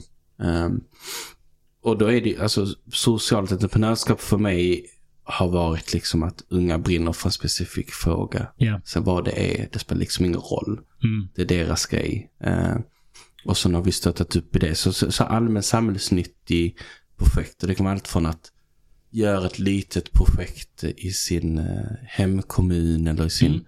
Eh, vad som egentligen där de gör någonting som är positivt. Mm. Eh, och då har vi haft rätt många unga som, som också varit inne på demokratisering och, och, och politik. Liksom. Men vi har märkt att vi behöver i så fall också ge dem en kurs Ja. där för när unga kommer, det är mycket idéer och framförallt folk som har fått upp ögonen för en specifik fråga. Sen kan det vara rasism, det kan vara jämställdhet, det kan vara vad som helst. Men att det varit svårt för dem att hitta nischen i jäm, alltså du vet vad, vad i jämställdhet är det jag faktiskt bryr mig om, vad är det jag stör mig på eller i rasismen, vad är det för specifik fråga? Ja. Och där finns det väl ett litet glapp som vi håller på att titta på nu. Att okej men kan vi identifiera vad majoriteten av unga kommer med för idéer? Mm. Och kan vi göra någon sorts av grej innan de söker till oss där de faktiskt har lite mer kunskap kring den specifika frågan. Mm. Men Mm. det är superintressant verkligen. Mm. Du får sno den idén om du vill. Ja, nej, du kan få köra den själv på skisen Aha. om du vill. Attans. Jag visste att det här skulle komma. Du är välkommen. Tack, tack. Jag är, jag är en teoretiker. Jag fattar. Ja. Nej, det det, behövs kul. det också, tänker jag. Det skulle vara kul att, att på, på ett hörn eh, kunna hjälpa till med något sånt. Men, Ja, men, ja, men eh, absolut. jag tror inte jag är rätt person att, att eh, leda i sånt. För jag tror inte jag är bra på det. Nej. Nej, men vi har, alltså jag tror, det, men jag tror det är otroligt viktigt. Det har vi på fysiskt också. Vi har, vi har kunskapsområdeschefer Mm. som, som eh, kommer till oss som jobbar med, med unga eller med verksamheter liksom som ansvariga eller vad det skulle kunna vara. Mm. Ehm, för att hålla oss relevanta, Mm. Rent teoretiskt. Mm. Sen får du sådana som mig på dig och ifrågasätta det rent praktiskt. Liksom. Men att, att i slutet av dagen så hittar man en, en, en mellanväg som funkar för båda. Mm. Som vi tror är relevant. Och då kommer, plockar man in advisory boardet igen. Och Ja. sen så hej, du vet, det här har vi kommit fram till. Ja, Är det här relevant eller är vi dumma i huvudet typ? Nej intressant. men ni är relevanta, okej nice. Eh, Hur skulle ni vilja att vi går vidare härifrån Mm, liksom så mm. att. ehm, så det är mycket ungdomsstyrt ändå, Mm. absolut. Skitbra. Alltså det där är verkligen någonting jag tror vi behöver mer av. Mm. Jag kommer från före detta Jugoslavien. Mm. Och mina föräldrar när de växte upp, det var ju ko- kommunist-Jugoslavien. Mm. Liksom. Det fanns massa projekt riktade till ungdomar som ämnade att stärka kärleken till landet. Om Just man det. säger så. Mm. Ehm, och det var liksom en självklarhet för ungdomar att vara involverade i eh, infrastrukturbyggen på somrarna, till exempel. Och jag tycker det är någonting vackert i det. Jag, Mm. jag, jag tycker att det borde gå att göra i ett demokratiskt sammanhang där det inte är liksom en Mm. di- diktatur som säger det här är bra, därför vill vi Ja, göra det. precis. det. Det borde gå att göra i, i ett demokratiskt sammanhang också. Ännu mer i och med att vi alla äger det här runt omkring oss. Och Verkligen. jag tycker det är lite synd att ja, men, saker som ehm, städning, parker, Mm. avloppssystem. Du vet, folk bryr sig inte om hur det funkar Nej. och har ingen aning om hur det funkar. Men det är essentiellt för att våra liv ska vara verkligen. bra. Verkligen. Alla, alla märker när det går dåligt med avlopp till Så exempel. Ja, så är det ju. Eh, och, och för det mesta rullar det på och någon sköter det. Mm. Det vore, det vore väldigt fint om vi på något sätt kunde etablera um, någon sorts institution som gör att vi blir mer mån om det vi har runt omkring Så, oss. verkligen. Man, man gjorde en studie eh, för några år sedan där Mm. man, eh, gjorde, man, man frågade niondeklassare som ska börja på gymnasiet om hur många eh, arbeten eller arbetsroller som finns i Sverige. Mm. Och eh, vi har ju hur många som helst, jag tror det är över 22 000 liksom, olika roller eh, Ja. i alla sammanhang. Men att våra unga som slutar nian och ska välja ett gymnasielinje liksom, hade koll på 200 Mm. eh, eh, arbeten utav eh, 2000 eller 22 000 eller nu än var. Och redan där ska vi då, med den vetskapen, ska de också välja ett gymnasielinje som de tror att Ja. de... Alltså, vi är inte bra på Mm. att informera om vad, vad det finns för arbeten i Sverige, Mm. förutom, ja men du vet så här, du kan bli läkare, ingenjör eller du vet så här, Ja. t- att vi har ändå mycket, vi har ändå mycket information som måste ut på ett, på ett bättre sätt. Mm. Och så, det har ju Fryshuset, det har vi ju massa olika organisationer som, som stöttar upp med det liksom. Ja. Eh, men det är ändå lite, jag vet inte, jag, jag kommer ihåg det när jag läste den, då blev jag lite, lite rädd av att, inklusive jag själv när jag var ni, alltså Ja. gick ut nian, fan Ja. visste jag vad det fanns för något liksom. Jag, jag har fortfarande ingen aning. Jag, jag tycker fortfarande det är svårt när, när jag pratar med vänner som pluggar, vad vet jag, statsvetare. Ja. Vad, Nej, men- vad gör man efter Ja, det? Jag har ingen aning. Nej. Det är svårt, Det är svårt att otroligt greppa. svårt. Ja. jag tycker bara det är så, det blev bara så intressant när jag läste den med, med, med att, att man redan i årskurs nio Ja. ska ta ett, alltså man ska göra ett val som ändå kan påverka ditt liv framåt. det är tufft. Och så finns det liksom inte tillräckligt mycket information om Ja. vad som finns där ute i Sverige. Hur, hur kan man jobba med det bättre? Nej, jag vet, alltså jag vet att skolan har ju sina regelverk och ramverk liksom. Eh, Men jag tror väl att vi som, som eh, nu är jag partisk, men med Fryshuset har ju, vi har ju 60 olika sociala projekt. Mm. Eh, Vi har Backa som jobbar med jämställdhet. Vi har Powerhouse då som jobbar med, med arbete, entreprenörskap. Alltså det finns jättemycket. Um, grejen är väl bara att man måste, man måste locka till och göra det intressant för, Mm. för folk att komma och lyssna eller förstå. Eller, Så man måste bli stor på TikTok. Det är väl kanske det, jag vet inte. Det är väl också, ja men precis, Instagram och TikTok. Ja. Ja, Vad sa du? Du, du är 34-35 nu sa du va? jag fyller 36 i år. Fyller 36 i år. Är det svårt att hänga med i vad, vad kidsen håller på med? Ja, en ungdomskultur ändras ju var sjätte månad ungefär. Eh, så det, det är svårt att hänga med överhuvudtaget. Eh, för idag är det här intressant, imorgon är det något annat liksom. Ja. Ehm, Försöker du fortfarande hänga med eller har du gett upp det? Typ så här, hänga på TikTok och se vad som händer. jo, men jag hänger lite på TikTok. Ja. Ehm, men eftersom jag också jobbar med lite äldre personer nu Mm. eh, så, så behöver jag nog inte hänga med. Vi kan ha diskussioner om, om hur de upplever deras eh, Ja. situation ser ut och vad de är med för sammanhang och så. Eh, hade jag jobbat med alltså, du vet, så här 12-åringar till 16-åringar Ja. eh, idag så hade jag nog varit jävligt lost. Då hade jag behövt liksom... Eh, djupdyka i, i sociala medier på ett annat sätt för att Ja. förstå eh, kulturen som är just nu. Liksom. Ja, ja, det är få saker som får en att känna sig som gammal. Det- så, ja, som när man så- kollar ja. så här, de stora influencerna för Ja, tonåringar och man bara, fan är det som händer? Jag fattar inte helt om vilka de pratar om fortfarande. Ja. Okej men vem är det? Och så blir man idiotförklarad liksom. Du kanske har sett den här kvinnan som gör eh, NPC streaming, heter det. Mm. Non- Non-playable character streaming. Nej, inget jag känner igen. En, en, en NPC är en eh, karaktär i ett Okej. spel som inte är den man styr. Utan Okej. det, det är bottar. Jag fattar. Det är bottar du möter som, Ja. som bara har typ ett, två, två, tre fraser som de upprepar för att spelet ska flyta vidare. Ja. Så då är det, eh, det är en kvinna som har blivit jättekänd för det här. Okej. Att hon streamar, och det, det är många som gör det, men hon har, hon har blivit skitstor. Att hon streamar och eh, folk kan ge gåvor. Alltså Ja. skicka henne gåvor och, i, som man köper för riktiga pengar. Okej. Och så baserat på vad hon får för gåva så säger hon någonting. En av de här fraserna du vet. Aha. Så hon liksom streamar och, och hon sitter där och bara... Är detta på TikTok då eller? Där är, jag, Eller är på YouTube? jag eller vet inte. Ja, Ja, jag säkert, Ja, jag säkert fattar. TikTok. Ja, ja, jag osäker. Ja. Men då sitter hon där och bara gang gang, gang gang. Mm, ice cream so good. Ice cream so good. Oh, men det här känner jag igen. Ja. Okej, ja, jag fattar. Hon, ja, ja, ja. eh, Så, så det är liksom det hon gör. Och Hon Herregud, tjänar 2 alltså. till 3 tusen dollar per eh, streaming session liksom. Vi har unga som kommer till mig jag vill bli social influencer. Man bara, nej men alltså. Ja, ja, det, det är det man vill bli nu. Ja, det blir skevt alltså.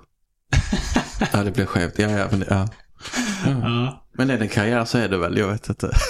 Det är ju det, är det knäppa. Det är ju det. Mm. Eh, man vill ju säga... Jag minns när YouTube kom. Och, och folk började göra YouTube-videos. Mm. Och man kollade på dem och här, fan de slösar sin tid alltså. Ja, men verkligen. Jag, jag minns att jag Mm. Ja. tänkte det. Att den här personen lägger alldeles för mycket tid på det här. Gud vad löjligt.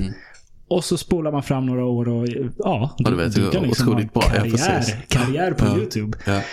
Och så är det antagligen med de här grejerna på TikTok och, och sånt också. ja, men absolut. Bara att man själv inte har växt upp med det. Nej, nej, precis. Ja, Ja, nej, det är superintressant. Jag tycker hela den här... eh, Jag tycker hela, hela den, den världen är helt... Jag, jag förstår inte nog, jag förstår mig inte på det riktigt bara. mm. Ehm, det väl nog det. Och jag orkar nog inte heller förstå det riktigt. Uh, kanske borde göra det egentligen. det, det, du, du sa det i början att du... ehm, det här med mänsklig kontakt Mm.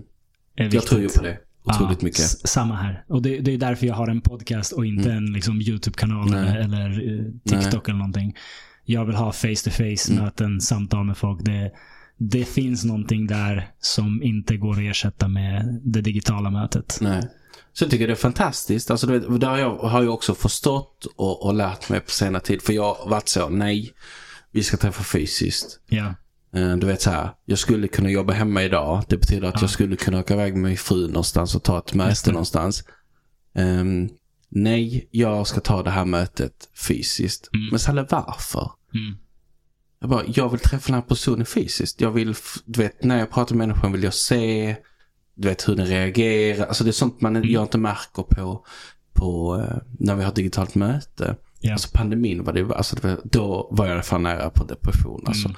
För då höll jag utbildningar digitalt och det är det värsta jag vet. Uff, ja, det är tufft. Det är det värsta jag vet. Alltså Mm. det, jag gör aldrig om det liksom. Ja. Då får någon annan göra det. För det, det, det är så tråkigt så jag vet inte vad jag ska ta vägen. För Ja. får, man får ingenting tillbaka riktigt. Ja. Ja, ja. Alltså, man kan inte känna in- ingen nej, men energi. ingenting. Folk kan lika gärna ha, hålla på med tusen Ja. andra grejer. Man har ingen aning. Precis. Men däremot vad jag har förstått det då som, eh, eller vad det jag ville komma till egentligen, det är att det finns ju människor som gör sig bättre digitalt. Mm. Så att, att det finns de här plattformarna för, för människor som har lite svårt Mm. så här fysiskt.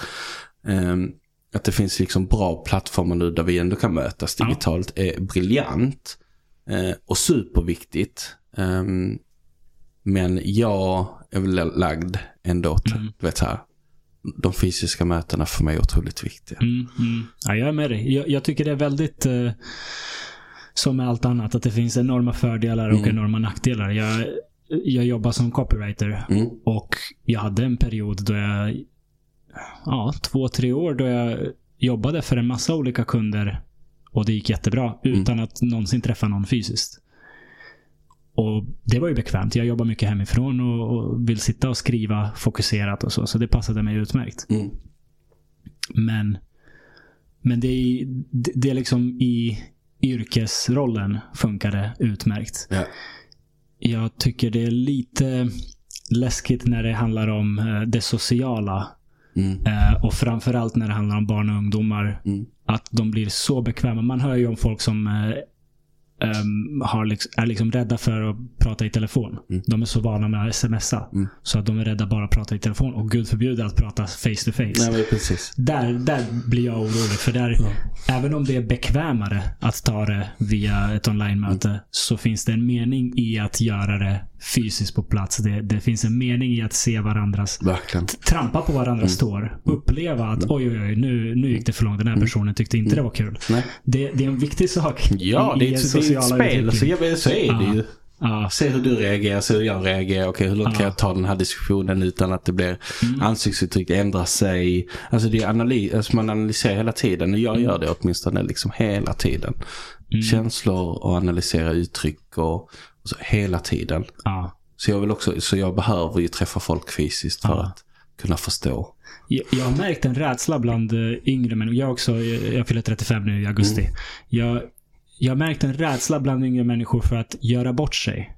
Ja, absolut. Ehm, och där, det, jag har gjort bort mig så många gånger i mitt liv. Alltså Mm. jag har kommit med något dumt skämt. Ja. Jag har sagt någonting olämpligt, opassande.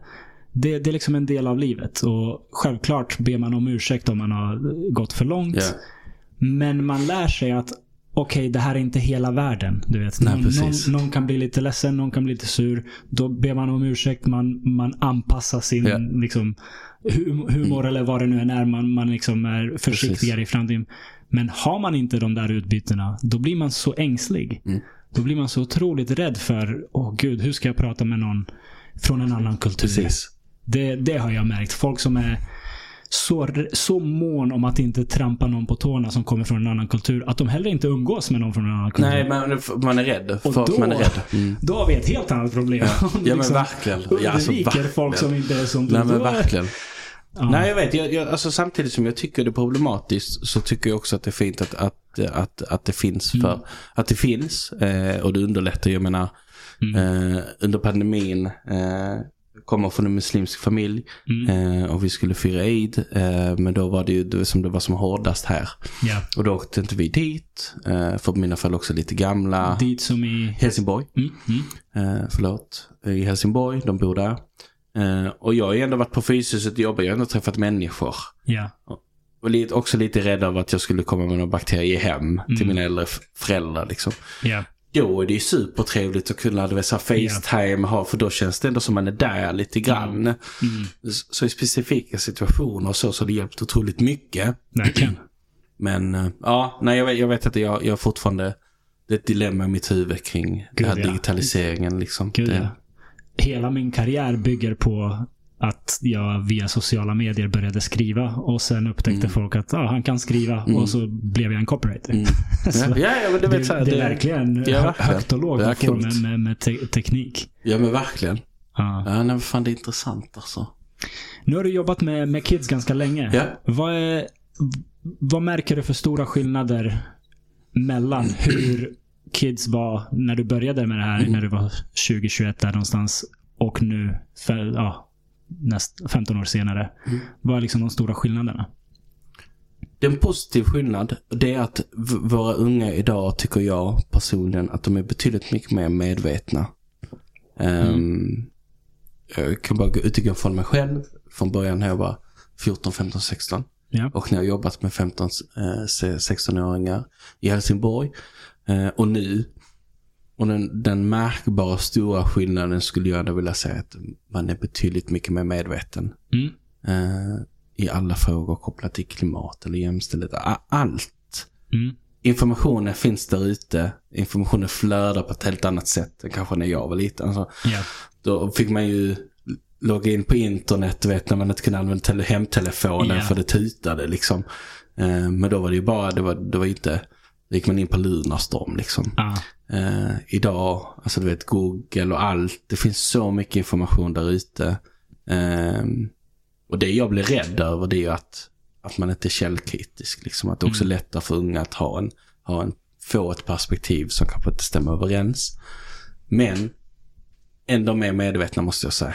Okej. Så övervägande positivt låter det som. Ja, alltså, ja, ja, ja, ja, ja. Alltså, det tycker jag. Det är lätt Mm. att hamna i, det är lätt att hamna i, i, i och prata om de negativa sakerna. Så det är Mm. alltid, det är alltid svårt att prata om positiva saker. Mm. Ehm, men jag är också en föreningsmänniska, har jobbat mycket i föreningar. eh, och, och förespråkar föreningslivet. Ja. eh, och framförallt den svenska modellen. För jag tycker att genom föreningslivet har jag lärt mig jättemycket. Ja. Att sitta i styrelse, årsmöten, jag har något att säga och tycka till om. Och Ja. Hela, hela den modellen som jag tycker är superviktig. Mm. Ehm, så det, det finns ju. Jag tycker, men jag tycker generellt att det är bra. Mm. Kul att höra. Mm. Det är som du säger, många kan bli negativa eh, när de får den här frågan. Att saker blir sämre och, och, och svårare och så vidare. Ja, kolla ut i Järva och, och kolla på andra platser där det skrivs ganska negativt om. Mm. Det är en av våra föreningstätaste områden i Sverige. Mm. Om i Stockholm så ska, ska jag inte överdriva. Men. Och det är unga, unga, unga vuxna som bedriver egna föreningar för Mm. specifika ändamål. Eh, och är superengagerade. Mm. Jag träffar otroligt många engagerade unga som kommer till oss och vill göra positiva förändringar genom små sociala projekt. Ja. Ehm, som är sig själva, det är karaktärer liksom. Jag träffar otroligt många karaktärer men de vågar också vara sig själva. Ja. Så när jag var 16 så vågade inte jag vara mig själv. Jag, då vet, jag var Ah. fotbollsspelare och så hängde jag med dem. Ja. Ja. Eh, men jag träffar otroligt många unga som bara, du vet, är sig själv. Alltså det är karaktär. Jag älskar Ja. det. Och jag önskar att jag vågade vara hälften så coola som dem. Ja. eh, och bara kunna uttrycka mig som, som, som jag är. Eh, så att det finns ju också otroligt mycket positivt. Otroligt mycket positivt. Vad, vad tror du det beror på att ungdomar har lättare att vara sig själv idag än tidigare? Jag vet, jag tror också Hammarby Sjöstad, alltså Fryshuset på Hammarby Sjöstad, där vi har Mm. den här gymnasieskolan och grundskolan. Jag har ändå hängt på många skolor eh, Mm. runt om i Stockholm och det som unikt, skulle jag ändå vilja säga, det är att på Fryshuset på Hammarby Sjöstad så har du många som är som dig. Mhm. Det spelar ingen roll om jag bara ska vara så här. Du har basketspelarna, Mm. om jag ska kategorisera lite nu. Ja. Vi har basketspelarna, och de är så många. Mm. De behöver inte leta eller bråka in sig i ett sammanhang för det finns ett tillräckligt stort sammanhang. Ja. Vi har skaterna. Det är inte en skatare du vet med kepser som klär sig konstigt. Ja. Utan det finns fler utav dem. Ja. Så du behöver inte kriga in i något annat sammanhang för det finns ett eh, tryggt sammanhang. Ja. Samma sak med, med, med punk eller vem det nu än är. Mm. Du hittar alltid en liten klick av människor som är som dig. Mm. Ehm, och det räcker till ett sammanhang liksom i skolan. Och då tror jag också de vågar bara vara sig själv till 10% för det finns fler utav samma, Mm. samma åskådning eller samma klädstil eller, eller vad det nu än är. Mm. Mm. Som jag tycker är jävligt coolt. Mm. Och det har inte jag upplevt när jag har gått i skolan. Alltså det var ju fotbollskillarna då liksom. Ja. Eh, och fotbollstjejerna. Men de som pluggade så här international baccalaureate som pluggade engelska. Alltså det är så här. Nej, jag tror bara att det finns folk har bara blivit bättre bara på att vara sig själv. Det kanske mer, det kanske bara är mer, eh, eh, vad heter det? Samhället kanske också bara är mer öppet liksom. Mm. Inte lika dömande, fast det är otroligt dömande så det är ändå inte dömande på samma sätt för att Mm. det någonstans också är öppnare. Jag kan sin- tänka mig att det är en av de positiva effekterna av sociala medier också. Jag hoppas att- ja. Att man kan hitta folk som gillar de saker man själv gillar var Mm. de än råkar vara i världen. Så att man inte känner sig ensam och konstig. Nej. Även om det inte råkar finnas andra i en skola som Nej, tycker om de precis. sakerna. Så det tycker jag är coolt. Framförallt på Fryshuset. Där är det karaktärer. Jag älskar det. Det där är karaktärer alltså. Kul. Skitkul. Du var, du var fotbollsgrabb. Det var, det var, det 100%. var din grej. 100 procent. Ja, 110 procent. all right. Ja. Ehm, det var någonting annat jag skulle fråga dig på det där temat. Nej, nu, nu, nu är det helt borta. Vi kan Ja, fortsätta på fotbollen. ja, fotbollen. Sätra, det Säkra. är din klubb. Ja, alltså jag, kom, jag, jag har ju alltid varit engagerad Mm. i, i, i... Jag har alltid spelat i en fotbollsförening eller så har jag varit engagerad i en fotbollsförening. Och de senaste åren innan jag kom till Stockholm så, så engagerade jag mig. Det var då jag började med lite sociala projekt själv. Ja. Um, uh, och där har jag jobbat med massa unga från stan och de hade ingenstans att spela fotboll. Det här är riktigt duktiga killar som, som har blivit utkastade rent ut sagt för att de inte har skött sig. Liksom. Mm. De, har inte passat en, de har inte passat in i, i, i stilen av Mm. hur föreningen vill att man ska bete sig som fotbollsspelare helt enkelt. Ja. Eller som människa generellt. Så var det en, en, en gammal förening som har funnits sedan 67. Som låg vilandes. Det fanns en eh, styrelse. Mm. Eh, Så vi tog över den med styrelsen som fanns. Eh, Okej. Killarna, de äldre killarna började spela. Vann tre serier i raken. Mm. Jag startade ett ungdomslag. Märkte att det var väldigt många av deras kompisar som i A-laget liksom som inte spelade fotboll men var på alla matcher. Mm. Startade någonting som heter, de hette IK Bagandi.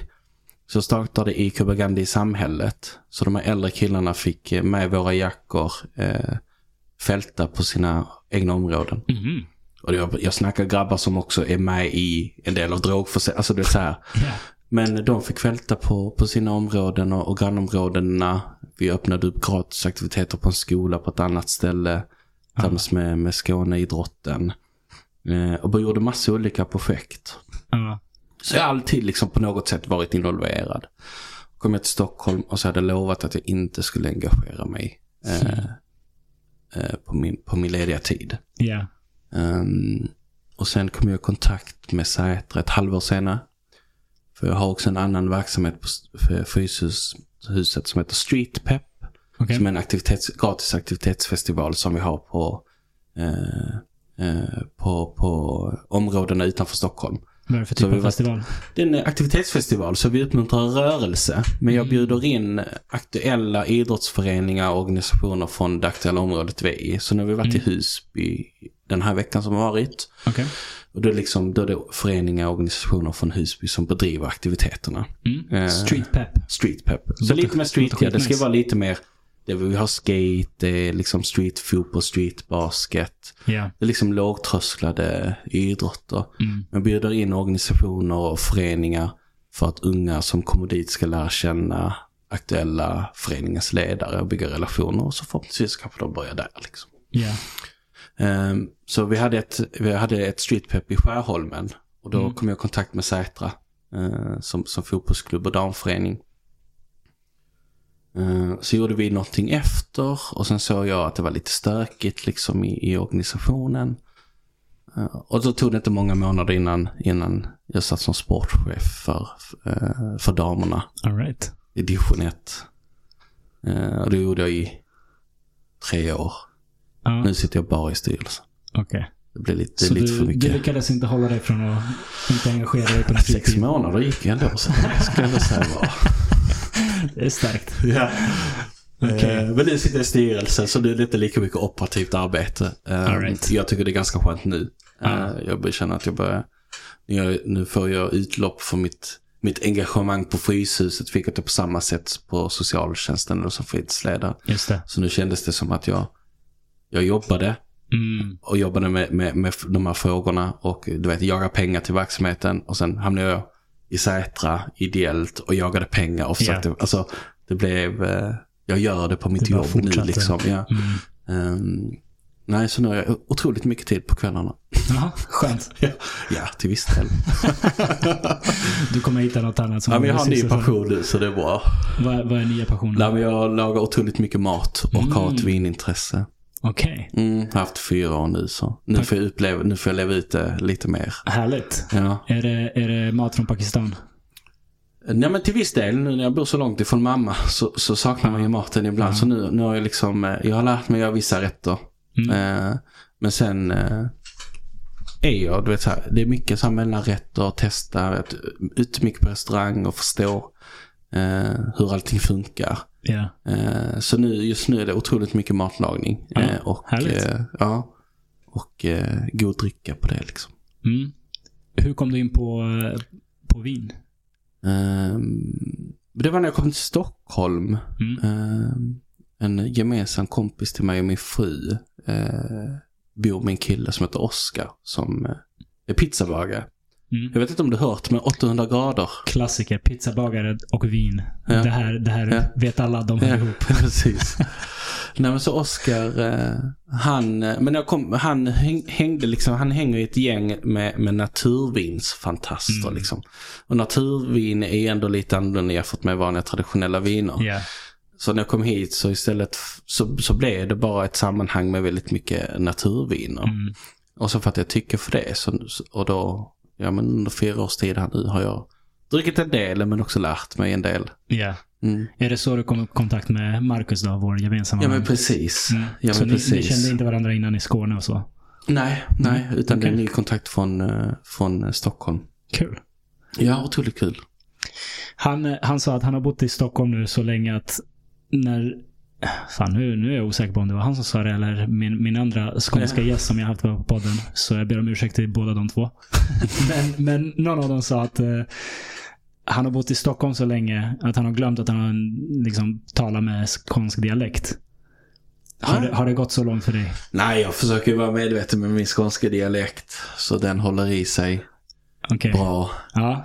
Eh, Ja, Men jag har ju bara bott där så kort tid. Jag har inte bott där så länge. Jag Nej, precis, känner väl att jag precis nu det här året, eller kanske för, så var det ju pandemi, men så det här året är väl första gången jag känner, okej, jag får uppleva Stockholm Mm. eh, på riktigt, det. på riktigt liksom. Just det. Det Ja. kom i mars 2019, så kom ju pandemin. Ja. Ehm, så, ja men lite förra året och, och det här året liksom. Mm, mm. Eh, men jag, det, jag, jag tror att det är lite för kort fortfarande. Det, det han sa, det var Christian kommer på nu, inte, inte Marcus, eh, en, annan, en tidigare gäst. Han sa att nu när han åker ner till Skåne så lyssnar han på folk och bara, hur fan pratar ni egentligen? Ja, men det, det gör jag faktiskt lite. Det gör jag Har det nu börjat men jag, det är bara för att jag, jag har ju, alltså jag är så dålig på dialekter. Ja, Alltså min fru är från Göteborg. okej. Jag kunde inte höra skillnad på göteborgska och stockholmska. Alltså jag är så Mm. dålig. Mm. Men sen jag kom till Jag, jag är Stockholm. också ganska dålig. Ja. Nej men Göteborg och Stockholm. Idag är jag så, hur skulle jag inte Ah. höra den skillnaden? nu, hör jag, nu hör jag ju skillnad. Och det är så här, kommer från Norrland eller från Göteborg eller från Stockholm eller från vissa delar i Skåne till och med. Det är bara en helt ny värld som har öppnats upp i mitt huvud liksom. Ja. Ja, Intressant. fett intressant ja. Eh, vi, vi har ju nosat lite på din eh, bakgrund Mm. med föräldrar från Pakistan. Mm. Och eh, att, att du växte upp muslimskt. Mm. Är det eh, har de två delarna, Pakistan och Islam, har det varit stora inslag i ditt liv? Har det påverkat dig mycket? Ja men det tror jag. Eh, definitivt. Alltså jag som pakistanier. Eh, men också eh, religionen. Mm. Islam. Jag tror mina värderingar kommer väldigt mycket från, från, från religionen. Mm. Min fru är artist. Eh, vi har otroligt lika värderingar. Mm, mm, Hon har fått det från någon annanstans. Jag har fått det från någon annanstans. Eh, men de är otroligt lika. mm. Eh, så definitivt. Det har inte varit så många pakistanier i Skåne heller. Nej. Så det har inte varit jättemånga sammanhang med, med liksom så här pakistanska community till Stockholm. Mm. Men det är ganska stort liksom. Ja. Så det har varit mer så här arabiska, Mm. eh, det arabiska communityt, albanska communityt. Eh, har ju, är uppväxt mina vänner många Ja. därifrån liksom. Eh, men hemifrån så har väl absolut det, den pakistan, pakistanska kulturen, hemmakulturen framförallt. Mm. Eh, men också religionen islam påverkat eh, eh, mina värderingar, absolut. Har du åkt mycket till Pakistan? Vi åkte var tredje år som små. Mm. Nu har jag inte varit där på ett tag. Eh, vill åka dit men nu är det, nu är det, lite, det är lite oroligt Mm. Mm. till och från. Eh, men jag hoppas skulle åka ner någon gång snart i alla fall. Mm. Jag har inte jättebra koll, men vad jag förstår har det ju varit lite stök. Eh, Imran Khan, är det så han Ja, heter? stämmer. Det, det går liksom fram och tillbaka lite där politiskt. Han är Ja, på igen och sen är han arresterad och ja fram och tillbaka. Vad, vad är statusen nu? Jag vet inte. Statusen just nu att det är politisk kaos i, i, sta- Mm. eller i, i, i landet. Ehm, men det är väl en pågående process som det alltid varit i Pakistan. Det har alltid varit stökigt liksom. Mm. Det är liksom, vi har, vi har vår regering och vi har allt, men, men vi har också en militär som står över Mm. regeringen. Så de kan ju också li- göra lite vad de vill. Ja. Eh, och det är väl det som också är problematiskt. Så Mm. fort militären liksom inte någonstans känner att Nej, men den, den här presidenten är bra, Ja. eller inte bra, då försöker vi få bort den och då, då lever de utanför allt annat liksom. Ja. Eh, och det är väl det som blir stökigt. När man tänker på det är det ju egentligen intressant att det inte är så överallt. Nej, det, det är sant. Det är sant. om man ska vara rent krass, alltså vilka har... Vilka borde... eh, vi- vilka har makten om inte militären, känns det som. Mm. Ja, så är det ju. För det är de som kan ställa till med problem. Ja, men mest precis. problem såklart. Ja, men precis. Så det är ju fantastiskt att det inte är så överallt. Överallt. Nej, det är verkligen, nej, det är sant. Mm. Det är sant. Men annars är det, ja, nej, men jag tycker om Pakistan som fan och skulle Mm. kunna åka dit snart alltså. Vad, vad uppskattar du med landet? Och, och Eh, kulturen? Men det är väl alltid så någonstans att eh, det spelar ingen roll om jag är i Sverige eller Pakistan. Jag kommer alltid vara en utlänning. Eh, Men Mm. Jag vet inte, det är bara, det är bara du vet så här, det är viben, eh, stöket, eh, kaoset eh, Mm. som, som någonstans är nice. Mm, det är Ehm, livfullt. Det är livfullt och jag tycker också, du vet så här, ibland tycker jag att det är lite ställt i Sverige och i Pakistan är det inte alls ställt. Aha. Folk lever, alltså Ja. folk lever sina liv. Det är dans, det är musik, Ja. det är fem dagars bröllop, Ja. eh, det är mycket mat, Ja. Ehm, det är mycket passion, folk snälla. Mm. Um, också varierar otroligt mycket i, i landskap. Mm. Du kan få världens finaste landskap uppe i bergen. Och du Mm. kan få väldigt torrt neråt. Liksom du, du kan få det mesta liksom. Härligt. Ja, det är nice. Men det är kaoset. Du vet, man kommer inte få, jag kommer, det sitter liksom i huvudet när man sen barn kommer med flyget och går ut från flygplatsen. Och du Ja. vet, det är så en varm dust som bara slänger, alltså bara slår ditt ansikte. Ja. Och sen är det bara tutar och galenskap utanför liksom. Det är ra alltså. raka motsatsen mot Sverige. Ja men liksom. alltså det är fantastiskt. Alltså. Ja. Total härligt, kaos. härligt. Känner du dig liksom mer hemma i kaoset än i, än i svenska? Nej. Nej, jag känner mig otroligt bekväm här. Ja. Eh, och mår bäst här tror jag. Eh, och sen är det nice att få inslag av kaoset. Mm. Mm. Ehm, och det räcker där. Känner att eh, man lever lite Ja men precis. Men nej nej, jag, jag är, alltså jag, jag är supersvensk. Ja. Verkligen. Det, du, du sa någonting intressant där. Att man är, jag, kommer inte ihåg exakt ord men man, man, man är utlänning Ja, var man än är är. I Mm. Sverige eller Mm. Pakistan. Mm. Är det någonting du har fått tampas med i, i ditt Hela liv? tiden. Mm. Så Berätta. hela tiden. Men det började, jag tror jag sa det någon gång innan att det räckte man sa med var man kom ifrån i Helsingborg och så, så fick Ja. man en blick som kändes okej du, du nedvärderar mig precis för att jag kommer från Dalhem. Mm. Ehm, men det är också, jag tror jag är en, väldigt- jag är en känslomänniska och tar in väldigt mycket intryck och energi liksom. Så ibland kanske jag också tolkar dem fel så, så är det ju definitivt, det förstår jag också att jag gör. Men, Mm. men eh, beroende på dagsform i Stockholm, ja, så här. Jag trodde aldrig jag skulle kunna köpa en lägenhet på Södermalm Mm. för så mycket pengar liksom. Mm. Det är ändå så, okej. De pengarna kanske jag hade kunnat köpa ett hus för i, i Helsingborg Mm. när jag är 50. Det är någonstans där jag har tänkt. Men nu är vi på Södermalm och det är superlyxigt. Ja. Det bor jättefint och mycket restauranger runt omkring och så. Eh, och vi har ett, vi har ett supernice liv. Men ibland när jag går ut, så här, när jag ska till Ica, då tar jag på mig mina Adidas shorts och du vet så här. Så tar min väska och hänger den runt axeln. Eh, och så kanske jag ser lite mer stereotypiskt ut från, från, Mm. från orten liksom. Och ibland då kan jag också känna liksom blickar. Mm. Mm. Är 35 och då blir jag så. Då börjar jag tänka direkt så, åh nej. Kommer folket att tänka att jag har varit och köpt knark eller någonting så nu för jag varit i det här Mm. fina området och, och nu ska jag, du vet, så här se ut som jag gör och ska gå därifrån. Liksom att Mm. ibland känns det så. Jag bor här för fan, jag ska inte behöva tänka så. Mm. Jag är väl förtjänt av, av att bo här. Men ibland, ibland, ibland, ibland känner jag att, att eh, känns som att folk tittar genom fönsterrutorna och, och eh, dömer. Ja. Mm, och det följer väl med från, från, från barndomen och alla, Mm. så här, "Ah, vi förväntar inte oss att du eller ni från det här området ska bli Mm. ingenjörer eller, eller vad det nu skulle kunna vara liksom. Mm, Eller bli mm. tillräckligt lyckade liksom. Så det, det finns fortfarande. Gå in på vissa möten ibland och så. Det är roligt i, i, i Stockholm nu när, jag- när jag öppnar munnen för första gången och pratar skånska. Hur, hur man bara ser vissa människor reagera liksom. Det är kul. Mm. Eh, men jag tar det som att de kanske inte förväntar sig att det skulle komma in en, Mm. En snubbe som ser ut som jag och sen också bara, bara pratar skånska och sen är ganska relevant i, kopplat till det jag gör liksom. Mm. Alltså det, är lite, det går lite fram och tillbaka måste jag säga. Mm. Mycket som händer i huvudet tycker jag. Ja, hur hanterar du det då? Eh, Men jag pratar rätt mycket med min fru. Eh, Och eh, sen någonting som jag varit jättemycket emot har ju varit att gå till eh, någon så här livscoach eller psykolog eller så här. Men eh, jag satt som verksamhetsansvarig på Fryshuset ett tag och då blev vi erbjudna samtal med livscoach under pandemin. Mm. Och man hade medarbetare som inte mådde så bra och vi visste inte hur vi skulle hantera det som ansvariga och så. Mm. Så mer för att prata ut då, alltså prata, att vi fick prata ut oss liksom. Eh, och gick jag till den här killen. Ehm, och sen fattade vi tycke. Så jag, alltså jag, jag går till honom lite då och då nu. Mm. Mm. Bara för att snacka. Härligt. Så tycker du jag är dum i huvudet nu när jag säger så här? Eller tänker så här? Ja. Och så diskuterar vi det.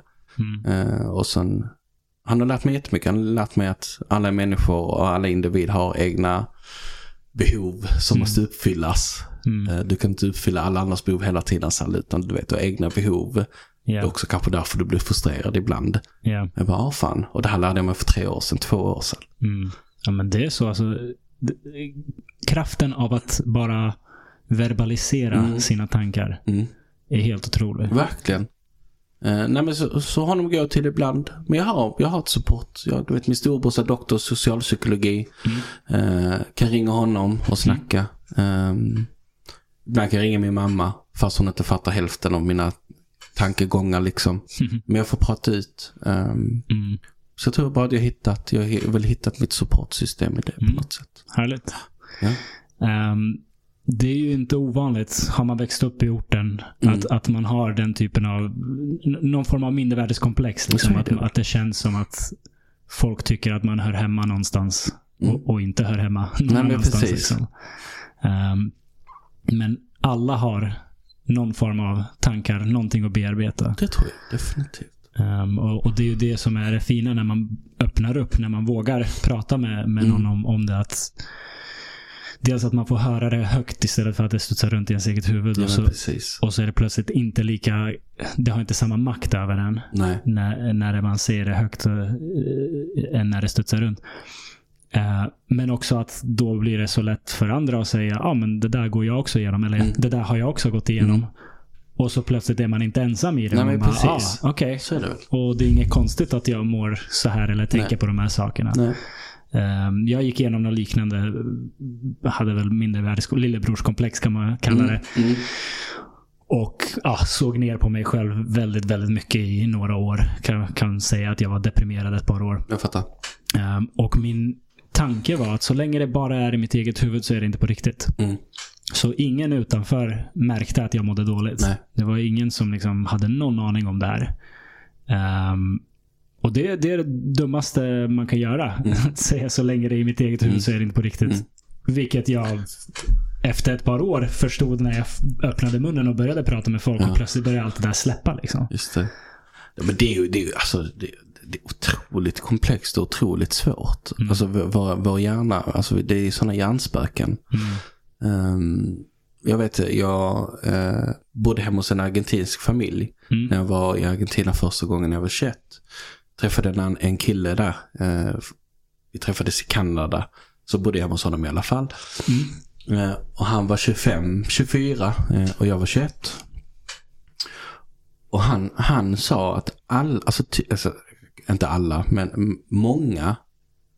Eh, det är inte tabu att prata om att man går till en psykolog i Buenos Aires.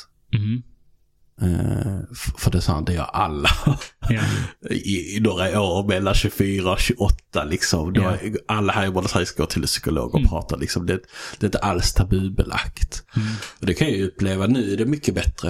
Eh, men, men för tio år sedan liksom så var det så. Mm. Då vet jag, ska, jag måste vara tyst här nu. Jag Ja. kan inte berätta om att jag går hos en psykolog eller går och pratar hos någon. Mm. Eh, Jag tyckte bara det var så otroligt intressant att där var de ju superöppna. Du vet som en sve- 21-årig svensk Mm. kommer till Buenos Aires där alla 25-åringar pratar om att nej men jag har tid hos psykologen. Ja. Och vad fan händer här liksom? det, det är väldigt positivt att det har blivit tror det. mycket mindre tabu. Verkligen. Eh, Jag minns också, alltså, eh, jag växte också upp i Hässelby-Vällingby-området. och Inte jätteorten, men någorlunda, någorlunda orten. Liksom. Och det, var ju, det, blir ju, det finns ju en macho Mm. liksom, kultur. Mm. Man, eh, man ska ta hand om sina egna problem och man ska inte prata om sina egna Nej. problem. Det där är något man ska lösa själv. Liksom. Mm. Eh, kontraproduktivt som satan. Så Alltså det verkligen. Men det är också jävligt intressant. Jag tror jag, jag hade en diskussion om det nu. För, för sen jag gick till den här eh, livscoachen. Mm. Eh, och han har förstått mig liksom, eller jag har förstått eh, att eh, jag har egna behov som måste tillgodoses. Ja. Eh, oavsett vad så har jag som människa behov som behöver tillgodoses. Eh, och att du vet, det måste balanseras med människor man lever med och så vidare hela tiden. Mm. Ehm, men att, att bli medveten om det. Mm. eh, eh, Vi hade en diskussion bara. Fan, jag känner att jag blivit tråkig. Så jag sa till min fru. Hon bara, vadå? Jag bara, nej men. Innan så kände jag inte efter så mycket.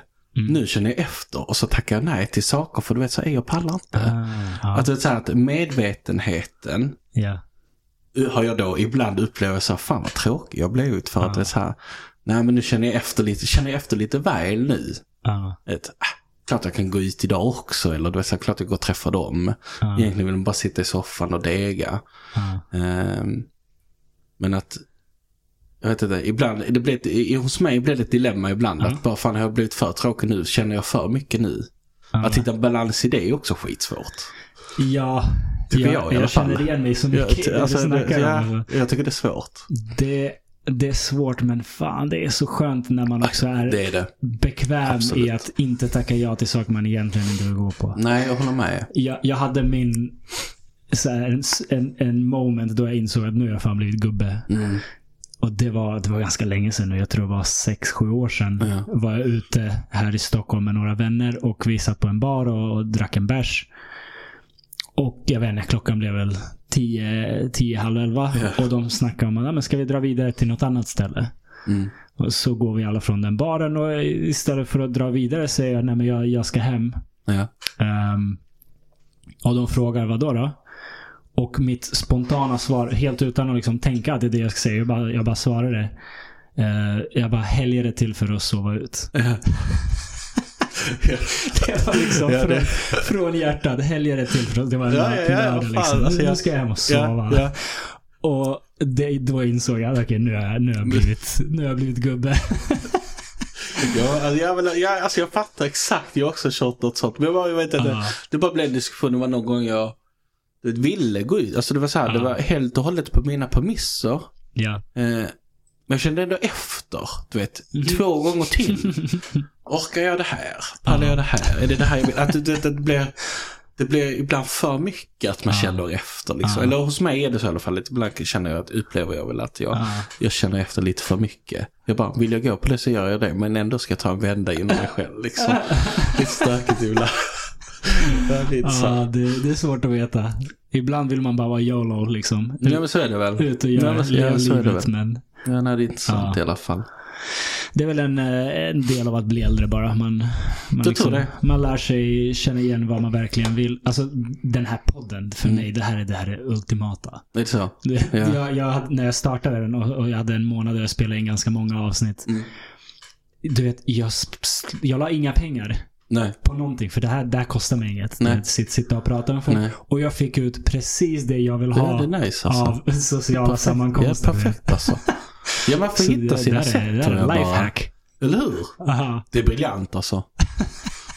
ja, men jag har hittat det i matlagningen. Ja, Eh, härligt. Det är där jag ehm, får ut min energi. Mm. Det är där jag får... Jag är ganska... Jag upplever mig själv som ganska rörig. Eh, och inte alls superstrukturerad. okej. Du vet, det, det är så här, kolla på mitt skrivbord och sånt, det är kaos. Liksom. Ehm, men jag kommer från en familj där ordning och reda är viktigt. Mm. Ehm, men när jag lagar mat, då finns det en klar röd tråd Mm. och en process. Ja. Eh, det ska liksom... Jag tycker om planeringen och handla in. Planera vad vi ska äta, vad som passar till. Ja. Eh, det är en process. Sen ska jag gå och handla. Det är Ja. min egen process. Jag ska gå dit, jag ska gå dit, jag ska gå dit, det finns där, du vet, jag ska hitta de här råvarorna. Yeah. Sen är det förarbetet, prepparbetet. Ja. Och sen det finns en röd tråd genom hela, du vet så här. Och det finns ing, alltså du vet så här. Min fru är så, ska du laga mat? Okej, jag sätter mig i soffan liksom. För, för jag har min process, om någon kommer och, och, och du vet så här, stör den. Ja, ja. Så blir jag fett frustrerad. Men jag tror bara det har blivit mitt sätt att bara du vet, så här, stänga av. Ja. Från, från jobbet, allt. Och bara du vet så här, bara Ja. vara mig själv. Och Terapi. göra i mig själv. Ja men det är typ terapi. Ja. Det är skitnice. Alltså kanske lite tråkigt för, för, eh, för frun ibland liksom. Mm. Men jag försöker hitta någon balans. Men det, det är liksom verkligen min, det är min, det är min, det är min grej liksom. Ja. Det, det låter som att det är ganska nice för henne också att få, få liksom Jo, klart det. ma- Herregud. matlaga. Ja, ja, herregud. Hon har fått laga majoriteten av maten i vårt förhållande. Vi har varit, i, vi har varit tillsammans i 12 år och varit gifta i fyra. Okej. Ehm, En bra stund. Ja, eh, och hon har fått laga mat en hel del. Eh, För jag hade väl inte, jag har förstått det sen att jag inte haft orken eller tiden Mm. eh, för att engagera mig eller du vet så här, investera. Du är Mm. superinvesterad i det så nu. Kanske lite för mycket ibland också men, Mm. men Du- det är min, du- Ja, förlåt. Fortsätt. nej, nej det, jag tror bara det är min, mitt sätt och Ja. du vet, det här är min grej. Ja. ja, men man behöver någonting sånt. Ja. Man behöver, nå- för, för mig var basketen verkligen en sån grej. Mm. Ehm, när, när jag spelade, när jag var ute på golvet, Mm, så var det... Eh, jag behövde inte tänka. Det var liksom instinktivt. just det. Så det var en, framförallt när vi pratade förut när jag mådde dåligt. När jag hade en tvåårsperiod då jag var eh, verkligen eh, alldeles för inne i mina tankar. Ja. Då var basketplanen liksom där jag fick ro. Ja. För att där behöver jag inte tänka. Jag, jag handlar instinktivt. Du vet. Mm. Jag, ser, jag ser någon springa där, jag lägger en pass och, och du vet. Mm. Ehm, jag antar att matlagningen är lite så för dig också. Att Jo, du, du är in the zone och du gör din grej. Och, Ja men precis. ja. Men så du har det här istället för basketen nu? Skulle du vilja göra den jämförelsen? Podden, menar du? Podden, Eller? ja, precis. Ehm, bra fråga. Jag skulle säga att till viss del ja. Men inte, till, in, in- inte samma ehm, automatik Nej, jag som det är på basketplanen. Liksom, då, då, då man bara gör och det fysiskt Ja, handlar. men, jag, ja, men jag fattar, här här behöver man ju Ja. tänka och, och, Mm. och välja hur man uttrycker sig ja, på, på ett helt annat sätt. Ja. Men en hel del av det jag fick ut av basketen får jag ut här. Eh, såklart. Det, men det är svårt att sätta fingret på exakt vad. Men, Ja, men ja. jag fattar. Men för, för det är samma sak för mig med fotbollen. Alltså, du vet, det, på fotbollsplanen så glömmer man ju allt. Ja. Det är bara det, det, det är fotbollen, dina lagkamrater. Liksom, det, gå hemifrån en jobbig dag i skolan eller du vet föräldrarna kanske ibland bråkar, man pallar inte gå hem. Alltså du, vad som egentligen. Mm. Vilka problem det än är. Så, så när man väl, du vet när pipan, du vet när man väl börjar spela Mm. så försvinner allt. ja, då är det bara Och det får du inte med, målet. på, det får inte jag med min matlagning för jag behöver också den fysiska rörelsen för det är också en grej. Mm. Ehm, men uh, med matlagningen får jag ändå en, en stor del Ja. av, av den känslan som, Mm. för jag blir så fokuserad. Ja. Alltså jag blir så fokuserad på matlagning så det är helt absurt. Eh, så, så jag stänger ut det så mycket. Och det, det är samma sak som med fotbollen och, och, Ja. och. Att jag bara stänger ut Ja. och blir så fokuserad liksom. Men det fysiska får ju inte ut på samma sätt. Nej, nej. Nu går jag bara upp en massa kilo för jag bara äta. Men, det är ju nice vad man än gör när man hamnar i sån här flow. Då, Mm. då, man, då tiden står still på något sätt känns det som. Och, och så kollar man upp på klockan så går, har det gått en timme och man har inte det är ens... fantastiskt. Ja, det, det, är en, det är en skön Mm. känsla. Och det kan man få. Det, det kan jag absolut få, få på podcasten också. Ja. Att man sitter där och snackar och bara shit, nu har det gått två och en halv Ja, timme och man har inte ens tänkt på det. Liksom. Så definitivt. Det, jag tror det någonstans är... Eh, vi människor, vi är, vi är typ skapta för det. Vi, vi är skapta för att göra vissa uppgifter. Jag, jag antar att det kommer från liksom när vi var samlare jägare. Alltså Mm. du vet, ut och jaga djur och, och röra dig runt omkring och vara uppmärksam ifall det kommer lejon eller vad det nu Ja, är men som ska. Du, du, bara, du, du har inte tid att vara deprimerad. Du, Nej, nej, du, ska bara, du ska bara göra. Ja. Gör saker. Överlev. Ja, precis. Eh, Så jag misstänker att det, det har med det att göra. I, idag vi lever så bekvämt. Ja. Så att de här utmaningarna som vi egentligen behöver för att må bra vi har benat, liksom, eh, vad heter det? Eh, eliminerat så många Mm. av dem. Det, det, så, så, vilket är en bra sak. Jag Mm. menar, det, det är underbart att i så många delar av världen behöver man inte tänka på var kommer min nästa måltid ifrån. Nej. Det, det är en fenomenal sak. Verkligen. Men vi är skapta för att leva med, med Ja, utmaningar. Och, Definitivt. Eh, jag tror också det är därför folk hittar eh, kamper och, och krig i där, där man kanske inte, där det kanske inte finns någonting att kriga med. Nej men, men, ja, men det, det, det, ja, definitivt. Det finns definitivt någonting i det. Absolut. Ja, det är intressant. Jag tycker det, ja, men det är intressant. Men jag tycker det är intressant med folk och, och, och vanor. Jag, bara, jag tror bara jag har lärt mig så mycket om mig själv de senaste åren. Eh, och därför jag tycker också du vet, så här, det blir superintressant också att träffa folk och säga okej men vad du snöat in på eller du vet, så här, vad får dig att må bra? Du vet hela den här biten. Ja. För jag själv de senaste åren bara förstått okej, Mm. jag börjar fatta vem jag är som människa liksom. Mm. Um, varit väldigt, vet så här. Behövde också komma till Stockholm för att känna mig helt fri. Mm. Skåne, jag kände mig inte helt fri. Du vet, så här, jag älskar mina föräldrar, mina syskon, mina vänner. Alltså, det är så här. Men till det kom också en... ehm, vi är fyra syskon totalt. Eh, två av mina äldre syskon är halvsyskon på pappas sida. Och sen Mm. har jag en lilla, äh, lilla bror som är på... Som är min hela lilla bror, eller vad man ska säga. Ja. Så på mamma så var jag ju den äldsta sonen. Mm. Och det kom också med lite, du vet så här.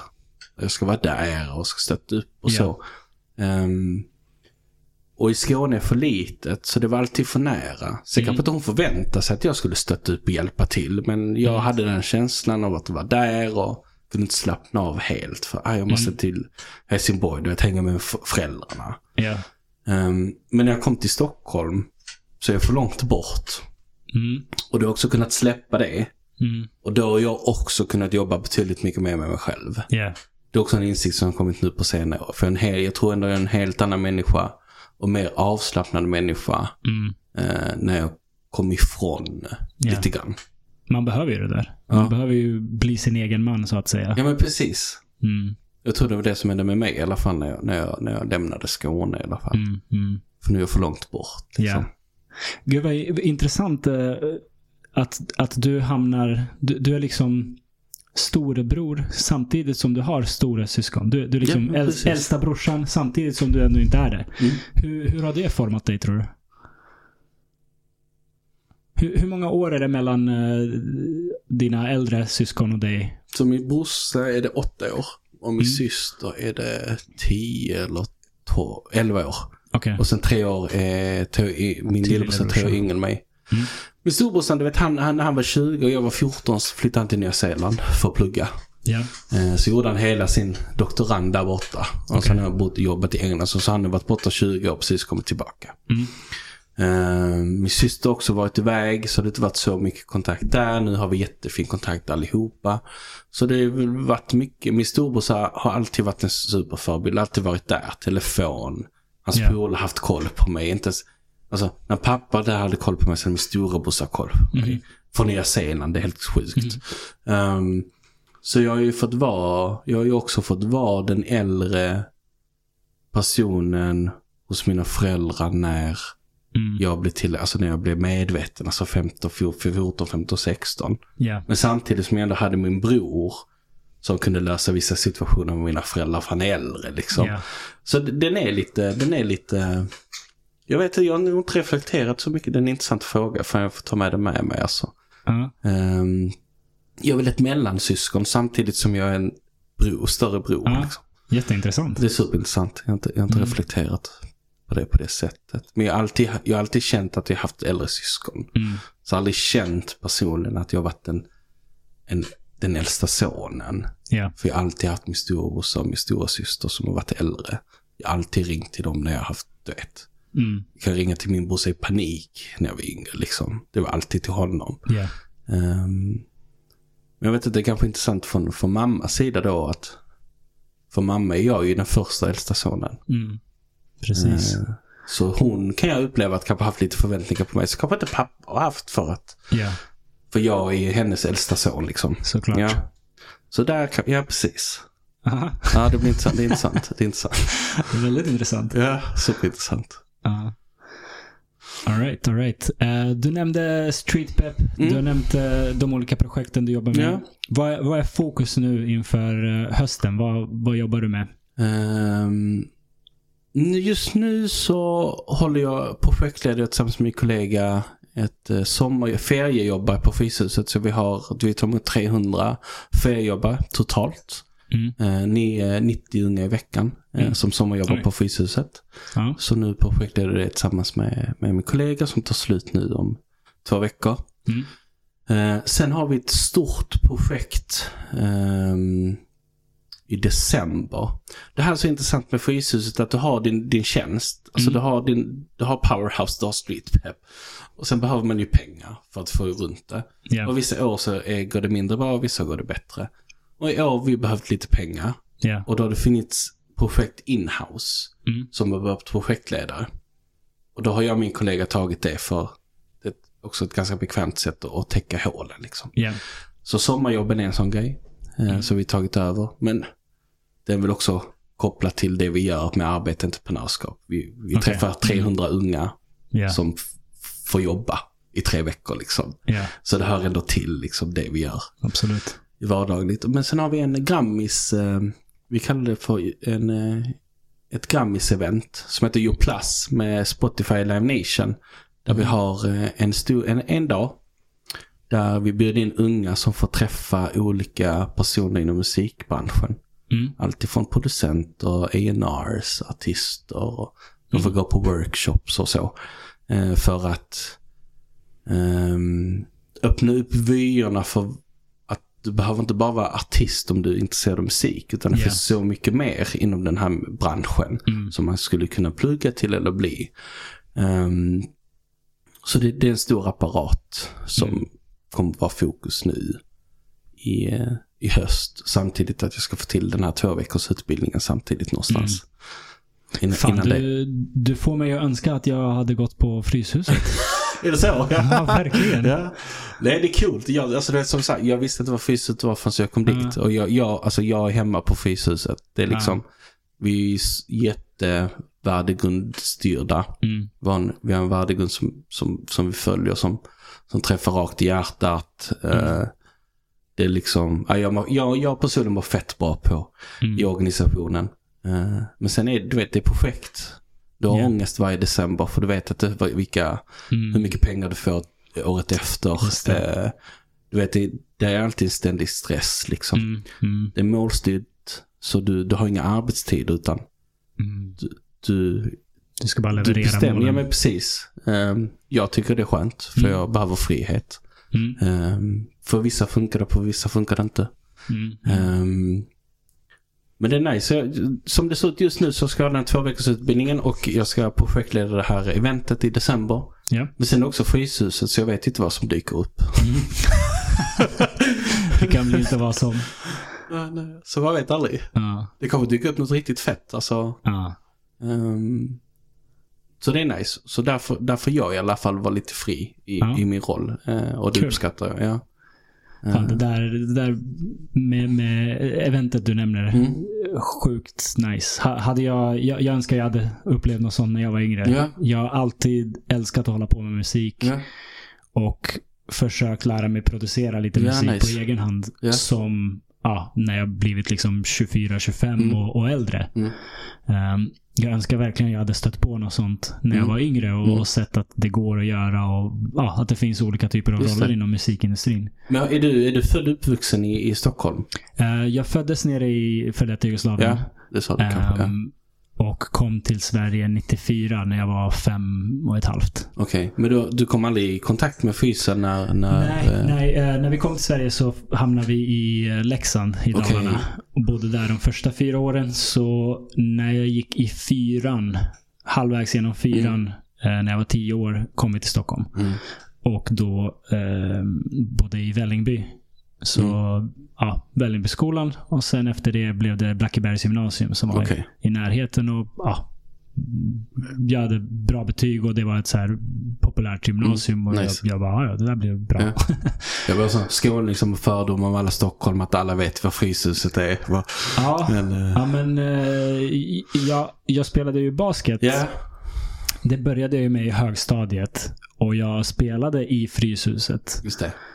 Så jag tror att Fryshuset för mig då bara var Basket. basketen. Så- jag hade nog inte jättebra koll på Nej. gymnasiet eller något sånt. Men det är knepigt. Fysisk, det är knepigt. Det är svårt att förstå. Mm. Om man inte är i det. Mm. Men det är också så här, eh, har man bra betyg tidigt så är det ju det man får höra. Men du, du borde plugga vidare. Mm. Du borde liksom satsa Mm. på ingenjör Mm. eller läkare eller Mm. vad det nu är. Ja.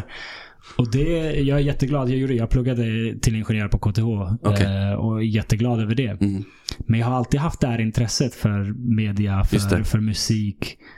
Det är lite så här, man undrar vad som hade kunnat hända Mm. om man inte om man hade haft sämre betyg, men om, men om folk hade pushat en i en annan riktning eh, snarare än, än det liksom, traditionella bara för att man har bra betyg. Eh, jag hade jättegärna lärt mig hålla på med musik eh, eller podcast eller Ja, något precis. annat kreativt eh, t- tidigt. Istället har jag för det mesta ehm, varit självlärd Mm. för, av, av eget intresse. Liksom. Jag tror väl också att det är mycket enklare för att, att, att kunna få de kunskaperna idag. än vad det kanske var när Ja. du också var yngre. Alltså det finns väl betydligt mycket fler organisationer stiftelser och andra Mm. personer som, som erbjuder liksom eh, men kommer och gör, testa på podd, Ja. casting här eller testa på musik, produ- producera musik här. Mm. Det finns väl fler mötesplatser av det idag än vad det Säkert. fanns för, Säkert. för 10, 12, år, 15 år sedan. Liksom. Ja. Ja, Fryshuset har jag bara minnen av att jag åker dit och får spö på basketen. För det, det gick inte särskilt bra för Nej, mig. Men, men det är väl en av Sveriges största basketföreningar idag. Något sånt. Uh, kan stämma. Jag har ingen alltså koll. kopplat jag ingen koll längre. och så. Nej, Mm. nej, jag vet. Men det är otroligt stort i alla fall. Och så har jag varit där på en del konserter. Ja. Jag var där eh, och såg eh, Black Bear. Känner du till honom? Ja, kanske. Eh, Om jag hör säkert. Han är, vad ska man säga, lite mer R&B pop, pop R&B Okej. version av hiphop. Mm. Ja, kan man säga. Lite, Ja. lite rap, lite sång, men, men mer poppigt. Så jag ska Spotifya honom när Ja. jag sätter bild. Jag tror säkert, om jag hör så, så vet jag säkert. Ehm, och jag var där, vad kan jag ha varit, 30, 31 eller någonting sånt på konsert. Mm. Jag tror att ja, men snittåldern var typ 16-17. Det är sant. ja, fan. Kör alltså. Det var, det var, det var lite hårt. Jag förstår, Jag- jag, jag förstår stod- känslan, det gör jag. Jag stod där och det var är massa tonårstjejer som är så "Ah!" För han är så här supersexig, smö, Ja, fattar. smörig rb snubbe liksom. Och jag såg en människa där som var, ja men typ min ålder. Ja. Och, och så sa jag hej och så snackade vi och det visade sig vara någons förälder och jag bara, ah nej. Le- Jävla pinsamt. Ja. Ja. Jag diggar hans, hans musik, vad ska man göra? Det var Ja, så är det ju. Ja, herregud, vad fan. Ja. Ja, ja. Men jag känner mig bra gammal där alltså. Men han, han, ja. ja. Det här är en, ett helt annat tema, men texter i hiphop. Mm. Jag, jag älskar hiphop. Jag, Mm. jag lyssnar på, Mm. på hiphop hela livet. På den konserten, han snackar om så här, dra linor, kokain och grejer Mm. i sina texter. Mm. Han, jag gillar Black Bear. Han har, han har gått igenom en del. Han, han höll på att överdosera och dö Mm. på grund av knarkproblem. Okej. Och sen pratar han om, om sin verklighet. Och jag diggar det. Mm. Men när jag stod där i ett folkhav av liksom tonåringar och han pratar om att dra lin och kokain. Jag bara, Känns det riktigt... eh, fan alltså. För han säger ju inte det här är dåligt. Han pratar ju om det på ett coolt sätt. Ja, liksom. ja, såklart. Ehm, ja, och jag, jag är väldigt kluven kring det här. Mm. För hiphopen jag växte upp med har hur mycket dåliga budskap Ja, som men helst. jo, absolut. Det, det Aha. har jag också.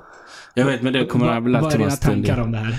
Ja, men det är väl en ständig fråga. Ja. Nu vet jag väl alltså rent, rent politiskt i Sverige så, så pratar man ju om, om svenska gangster, gang, gangsterrappen nu, hur man glorifierar det. Ehm, Ja.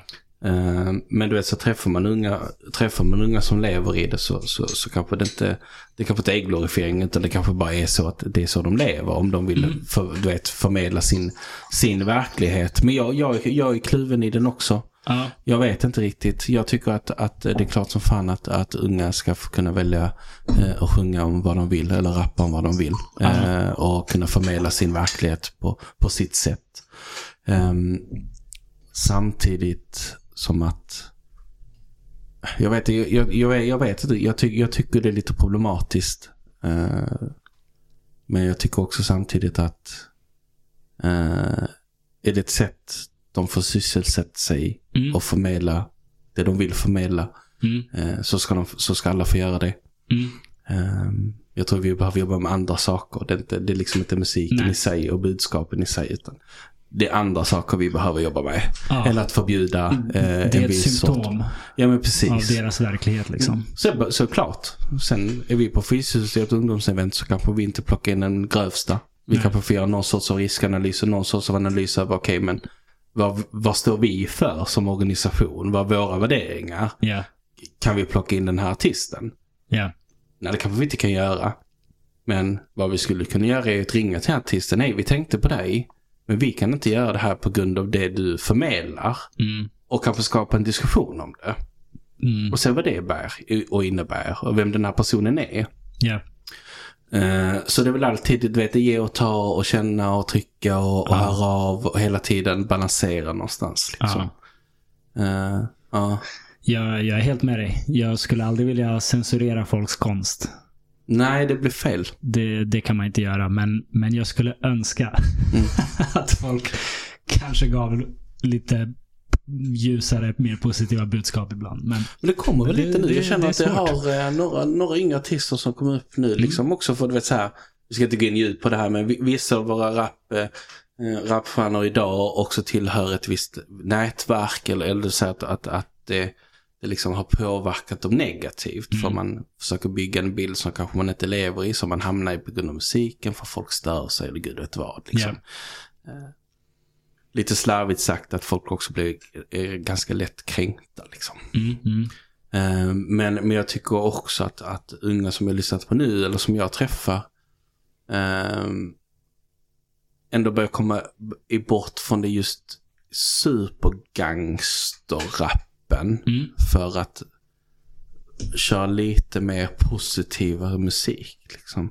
Ja. Jag har också träffat många unga som på, på, på folkhögskolan som har varit eh, rätt så kända rappare liksom. Mm. Eh, som varit så, nej men nu, du vet så här, det var då, nu vill jag ta tag i det här och göra det här. Kanske göra musik sen igen, men kanske en annan sorts genre.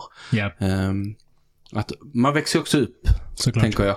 Mm. Man är i det, man är 16, man är 17, man är 18. Ja. Eh, man har sin tid där och sen växer man upp och sen förstår man. Och, Ah, och det är väl majoriteten så. ja. Sen kanske inte det är det som syns. Men, men det finns lite mer positivt som, som kommer Mm. som jag får höra. Eh, framförallt nu med det här nya eh, musikeventet då. Då Mm, kommer vi mm. också få träffa jättemycket unga som kommer få träffa enars och Mm. sjunga framför dem. Eh, så, så där hoppas jag också att vi får se lite mer blandade ja. eh, musikstilar eller blandade texter och lite så. Mm. Så det ska bli kul som fan. Fett. Att få Och lite det, mer inblick i det. det här evenemanget är på Fryshuset. Det är på Fryshuset den I första november, december. december. december, Första så december. Mm. Och vilka kan anmäla sig? Hur, hur kan man... Det kommer komma ut. Eh, vi kommer gå ut och pinpointa till vissa. Uh, du vet så här, gymnasieskolor och så. Ehm, men eh, alla är välkomna, alltså alla kommer få vara välkomna liksom. Även om man är 35? Ja, kom. Okej, Ja, nice. Det- Du det kan inte- inte förstå först i kön till en workshop, men... Eh, Jag kommer till de få- unga först, men... Jag, jag kommer få flashbacks till mina Black Bear-tider på, Ja, på Fryshuset. Fortfarande för unga, så unga först, men finns det plats så finns det. Det låter bra. ja, herregud. Vilka är dina topp tre rappare? All time. Uff, topp tre rappare all time. Talib Kweli alltid en. Bra svar. Ehm, och sen, jag, jag måste ju säga Tupac. Mm. Eh, och sen, eh, sen har vi uh, Method Man. Tycker jag också är Mm. cool. Okej. Det skulle jag vilja säga någonstans. Jag vet inte vilken ordning Ja, de är i. Men det är de tre som jag kom på nu som är så okej här. Nice. Ja. Mycket bra svar. Jag, Ja, var, tack. jag var på Wu-Tang och Nas i Globen. ja, blir du missnöjd när du inte... Väldigt... För det är honom man vill se. Jag hade ingen aning. Jag, jag, till det hör att jag, jag bara fick en gratis biljett. En kompis Jag hade en extra biljett. Ja. Ska, du, ska du haka på? Jag bara visst. Så jag, jag, ingen, koll. jag lyssnar på några Wu-Tang-låtar och Ja. li, lite Nas liksom. Men Ja. jag är inte någon superfan av nå- något av dem. Nej. Men jag tänkte fan vad fett ändå att se Method Man Ja. Redman. Och sen kom inte de. Jag bara fan. Nej, jag vet. Jag, fick kan inga av de andra det. låtarna. Jag bara, ah, ja. Ja, jag fick höra det också. Jag några polare som var iväg var så jävla besvikna. Han bara, åh, du var inte där. Pinsamt nog drog vi efter typ en halvtimme, 40 minuter. Alltså. För varken jag eller min polare hade lyssnat särskilt mycket på de här. Jag fattar. Ehm, och ljudet var riktigt dåligt. Jag hörde också det. Riktigt, riktigt Otroligt dåligt. tråkigt att gå på en Musiken konsert. var alldeles för hög. Mm. Så att man hörde ingenting av liksom, vad, vad rapparna sa. Nej. Och så kommer en av dem, jag kommer inte ihåg vem det var. Men en av wu grabbarna ut och bara Yo, yo, yo, yo. The music is too quiet. Can you turn it up? Nej. Till liksom deras mixer. Är det grabb. sant? Jag bara nej. så då drog Ja, de upp musiken ännu alltså. mer. Och man bara, men ah, fan, det går inte att höra ett ord alltså. Skönt att det var en gratisbiljett då. Ja, ja definitivt. definitivt. Den hade svidit. Ja. Vad är den bästa konsert du varit på då? Jag är inte en konsertmänniska. Mm. Eh, så jag har inte varit på så många konserter om, om, om jag ska vara helt ärlig. Ehm, ehm, så jag har, men jag var på Red Hot Chili Pepper när jag var 17. Mm. Det, var, det var fett. Det måste ha varit galet. Det var fett. Ja. Ehm, men annars, annars, jag är inte en uh, konsertmänniska alltså. All right. Jag har inte varit på så många. Jag var på Way Out West någon gång. Mm. Eh, och så några. Ehm, men inte så. Men om det ska, om jag, det, är så, det är väl Red Hot i så fall. För det, det var helt galet. Mm, mm. Ja. Ja, det kan jag tänka mig. Ja, De känns som väldigt eh, energiska på scen liksom. ja. Jag var så Loyal, Loyal Sarner, heter han så? Loyal Sarner, Okej. en brittisk rappare. Okej. Han är ganska skön. Han på Bounce. var en polare som tog med mig. Mm. Så Loyal Sarner var också nice. Men det, jag gillar i så fall lite mer intima Mm, Eh, eh, konserter än Speciellt gå för på... hiphop. Ja, istället för att Mm. gå på så stora arenor. Jag har varit sett Beyoncé i Köpenhamn. Mm. Det var coolt, men du vet, jag, jag, jag finner ingen njutning i så stor Mm. arena. Mm. Det blir liksom inte personligt på något sätt. Bands var ändå lite mindre. Ja. Ehm, så, så det gillar jag också. Du vet när det blir lite Ja. intimt och mysigt. Liksom. ja, jag hör dig. Ehm, jag såg Kendrick Lamar på Münchenbryggeriet Mm. här i Stockholm. Mm. Det, det var varit fett. uff, så jävla bra. Mm, jag tänka Sen, mig. och sen såg jag honom i Globen något år senare och inte alls samma sak. Nej, Eller hur? Det blir inte, Inte det. Nej, alls, nej alltså. jag, kan- jag kan tänka mig nej. Den, speciellt den typen av rappare som han är, han går ut och han liksom manglar. Han, han går ut och rappar. Ingen mellansnack, ingen liksom Han bara, han bara dödar sido, liksom. sidodansare eller någonting. Han bara kör. Han bara kör. Han är Ja. en maskin liksom. Ja. Och det funkar ju skitbra i en liten lokal som. Münchenbryggeriet. Ja. Ener- Energin är där. Men att fylla hela Globen med bara en snubbe som står och rappar, det, det är Det svårt. blir inte samma. Mm. Nej. Nej, jag håller med. För jag önskar att jag var mer eh, en person som gick på konserter. Min storebrorsa går på konsert hela tiden. Mm, mm, Ehm, vi var på, på någon konsert nu på Slakthuset. Eh, också lite mysigt liksom. mm. Ehm, men han är så här festival, alltså du vet, han har varit på alla stora festivaler och så Mm. också. Men jag har inte, min lillebror är likadan, men jag har inte, Mm. Nej, alla har våra intressen. ja, ja men verkligen. De jag kanske- önskade fan att jag, att jag, jag prioriterade det liksom. Ja. Jag vet inte. Jag, jag är inte jättemycket för konsert heller. Alltså, i, I alla fall inte på äldre dagar. När jag var yngre kanske jag var lite mer Mm. intresserad. Men det, det, det är så gubbigt. Men jag tycker det är så jävla hög volym hela tiden. Mm. Alltså på, på den här Nas och Wu-Tang-konserten. Jag, jag behövde ha mina hörlurar med sån här noise cancellation. är sant. Annars Ja. gick det inte. Jag stängde av dem en, en tio sekunder och bara shit, alltså hur fan ska man överleva det här? Det var alldeles för högt. Ja. Men det är kanske jag som är känslig, jag har ingen aning. Ja, nej men jag, jag fan önskade ändå att jag Ja. prioriterade mer men. Matlagning är bättre. Ja. Det, det, det är mycket nice. Jag vet matlagning är, matlagning är socialt också. Du vet, Ja. så här, vi, alla vi, du vet det. pakistaner, du vet, vi, det är Ja. inte en rätt på bordet utan det är fyra rätter på Exakt. bordet. En vanlig middag. Liksom, mamma får stå där tre dagar för vi ska Mm. äta en, en vanlig middag en kväll. Liksom. Ja. Ehm, så mat är väl mitt sätt att ha ett socialt umgänge på också. Mm, Du vet, så här, Jag ser gärna att folk kommer över varje söndag så grillar vi liksom. Eller, Mm, härligt. du vet, kommer på lunch på lördag så kör man lunch och sen fortsätter Ja. man till middag liksom. Det, det tycker jag, det är mitt, det är mitt go-to när jag vill Mm. hänga med folk liksom. Det är skitnice. Mm. Ehm, det var, just det, Mowglis kök. Har du varit på Mowglis kök vid Odenplan någon gång? Nej. Eh, det är bengalisk street food. Mm. Nice. Och det är väl inte riktigt samma sak som, som Pakistans mat, Nej, men nej, men- ganska nära i, i smaklag. Det kan jag rekommendera. Det Nice. är ja, riktigt, riktigt god mat. Så ett, ett lifehack. Eh, om man ska gå på indiska eller bengal, bengaliska restauranger. Ja. Så är min upplevelse i alla fall att man måste ha koll på vem som står i köket. Mm. Um, för bengalerna är otroligt duktiga på fisk. Mhm. Mm. Så de får fisken och curryn att du vet, matcha på ett sätt som jag har inte upplevt att Pakistan eller Indien kan göra på samma sätt. Eh, och vegetariska köket är Indien världsbäst på. Liksom. okej. Och i Pakistan, eftersom vi är muslimer, så har vi, vi har mycket kötträtter. Liksom. Mm. Så om man vet om att det finns en pakistanier i, i köket, Mm. eh, oavsett om det är en bengalisk eller indisk restaurang, vet man då att en pakistanier i köket eller då, då, då ska man då, tycker jag, då beställer man kötträtterna.